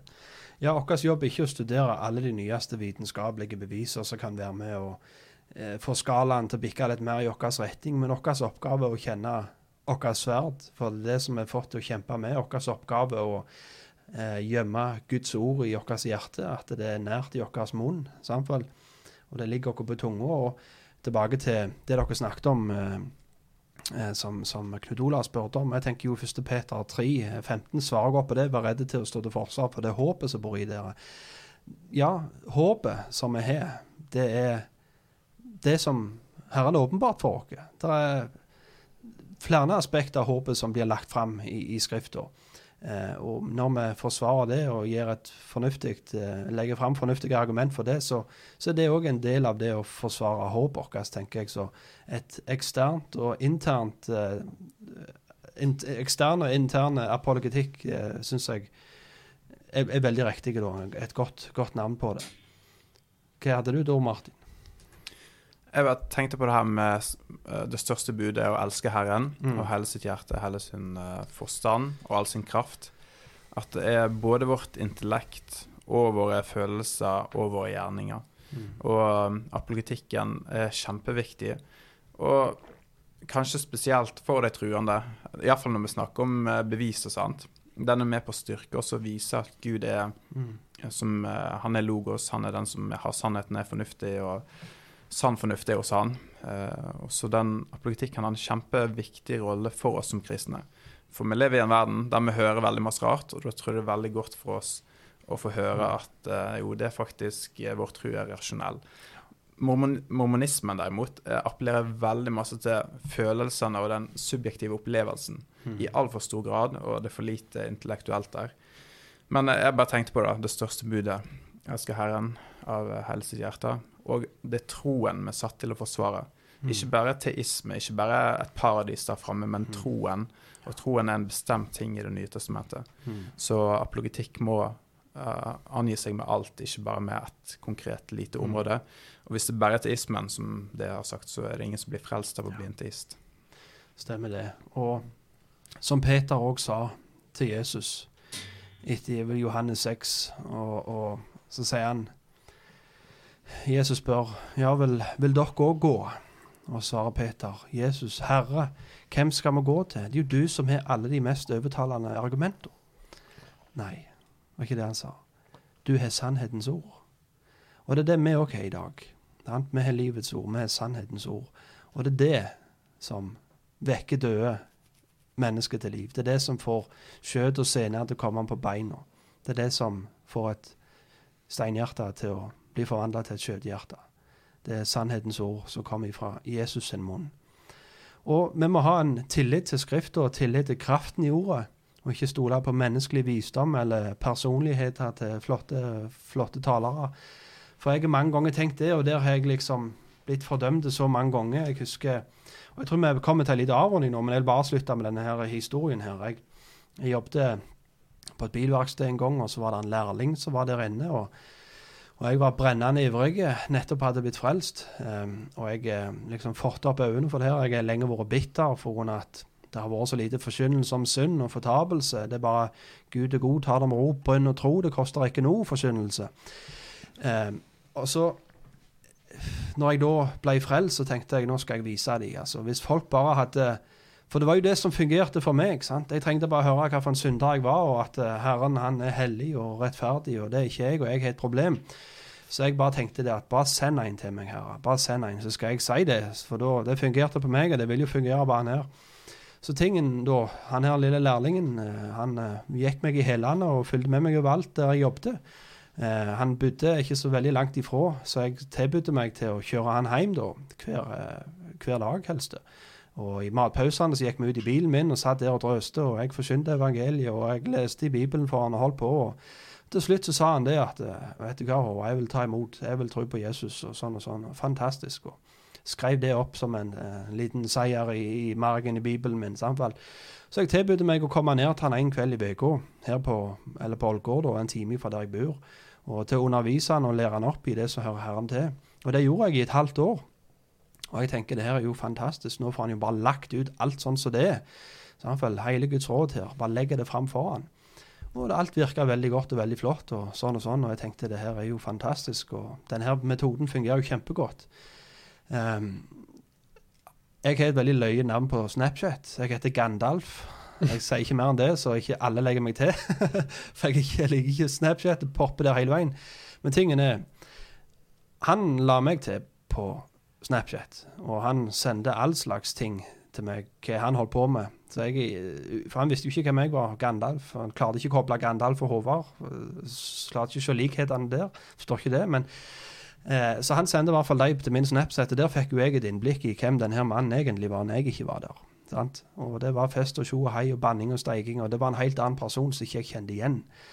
Eh, men jeg fortsatte å møte han på tirsdagene, og han forteller meg alt går så bra, og han går på møte på søndagene og sånn og sånn, og på lørdag var han på det og det, men jeg får jo Snapchat, han er ute på fest og tjo og hei og banning. Altså, det var rett og slett bare fordervelse, så jeg lurer på hva er det du holder på med? Hvorfor kommer du her og vil høre undervisning og forkynnelse av meg når du egentlig har lyst til å du lever i grunnen bare et dobbeltliv som en hykler, og sånn og sånn. Og det husker jeg var en sånn vanvittig stikk i, i, i min egen eh, Ja, hva skal du si? Stolthet. Og jeg var kry over dette her. sant? Min velformulerte tunge klarte å få denne mannen om bord på, på uh, båten som Herren styrer på vei til himmelens land. sant? Men så fikk jeg rett og slett det slaget i trynet at eh, nei, det kommer ikke an på deg, Håvard. Det er ikke dine velformulerte ord. Og det er heller ikke at du har snakket med han om så mye og lest og fortalt uh, all slags. Men du skal bare være trofast i der du er satt, Håvard. Du skal så, du skal vanne, jeg gjør vekst når jeg vil. Samtidig.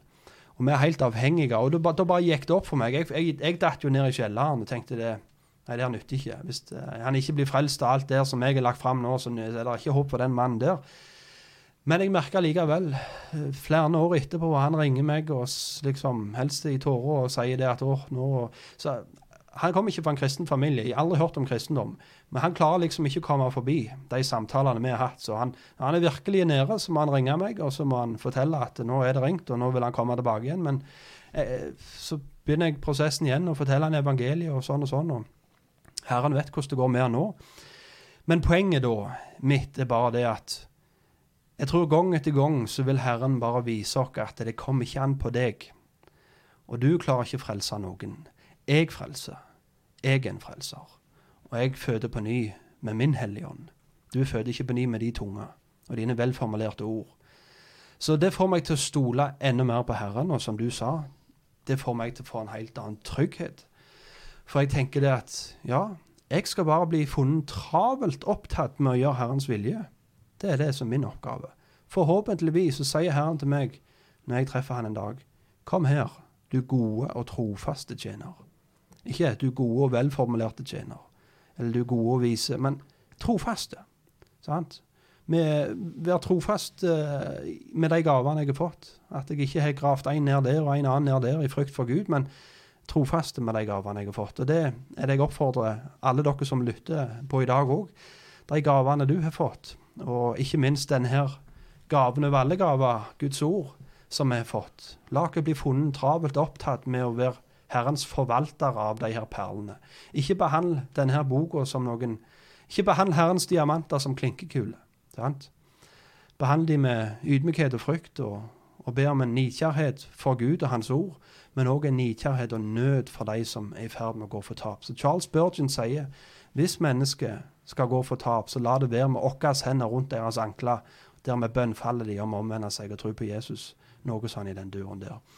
Så igjen, dette her Det handler ikke om Gud å vinne argumentet, dette her. Det handler ikke om å ha de beste og mest velformulerte eh, argumenter, men det handler om å, å nå ut til mennesket gjennom å bruke de redskaper som Herren har lagt klar for oss. At vi går med, går, uh, med den kraften og den, de, de redskaper som, som, Herren vil vi skal bruke. og Sår og vann i trofasthet, så vil Herren gi vekst når han vil, og om han vil, og til sin ære. Så ja, med det så tror jeg vi kommer til en liten avrunding. Eh, Martin, du har noe informasjon om eh, konferansen, litt mer detaljert enn Knut Olavsen sist gang. Jeg er redd Hadde dere hørt på Knut Olavsen informasjon, så hadde dere endt opp en helt annen plass enn det konferansen faktisk er. Så nå kan det faktisk være at vi ender opp på samme plassen, hvis dere får med dere den informasjonen som kommer nå. Jeg lurer på hva du sa, Knut Olav. Men i alle fall. Det er konferanse Sammen for evangeliet 1.-4. oktober. 1.-4. oktober. Og den er på Strand leirsted, som er i Sandefjord. Og det tror jeg er i Vestfold. Så i Sandefjord, Strand leirsted. Og der er det en som heter Andrew Curry som kommer. Og det høres ut som godt krydder. Og jeg tror det blir veldig godt å være der, så jeg anbefaler alle til å melde seg på. Og det blir tatt hensyn til koronatiden vi lever i, men vi har lov til å samles opp til 200 eh, folk, så det skal gå bra. Mm. Og så jeg gleder meg fordi at eh, jeg har en eh, travel hverdag.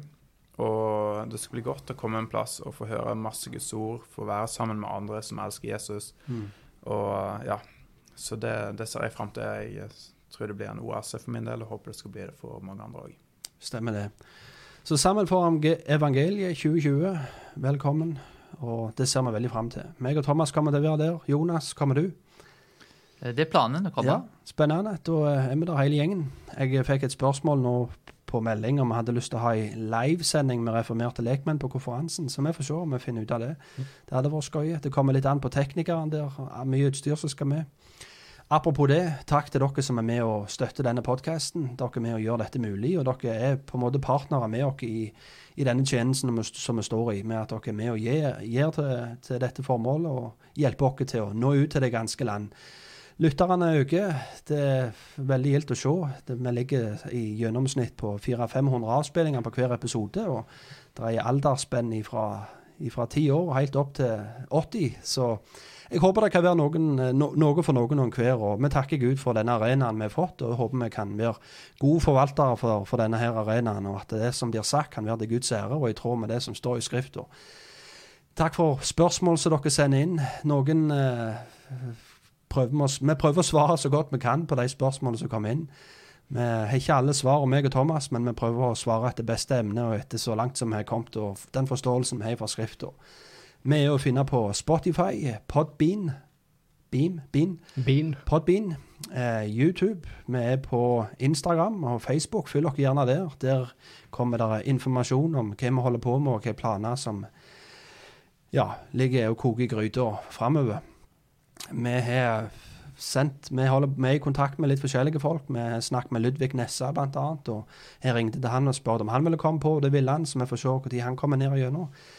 Um, ellers så har vi lyst til å snakke litt om norsk kirkehistorie, så vi holder på er i kontakt med noen som har spesialisert seg litt på det. Så vi får se. Vi har litt, litt i planene. Det blir litt lengre perioder mellom podkastene nå enn det vi skulle ønske, men uh, det er litt andre ting som foregår. For min del så er det litt eh, pastoralt arbeid i tillegg til 100% jobb på bilverkstedet Farmen og familie og alt i sammen. Så vi må prøve å porsjonere det ut så, det, så vi klarer å ha det som et maraton og ikke en sprint, så vi blir helt uh, utkjørte. Men igjen, takk for dere som lytter på oss. Og vær gjerne med å be om at vi kan være trofaste i denne tjenesten. Og takk til deg, Jonas, som var med oss på de her to episodene. Og Thomas, takk, takk. veldig hyggelig. Du er flott på håret.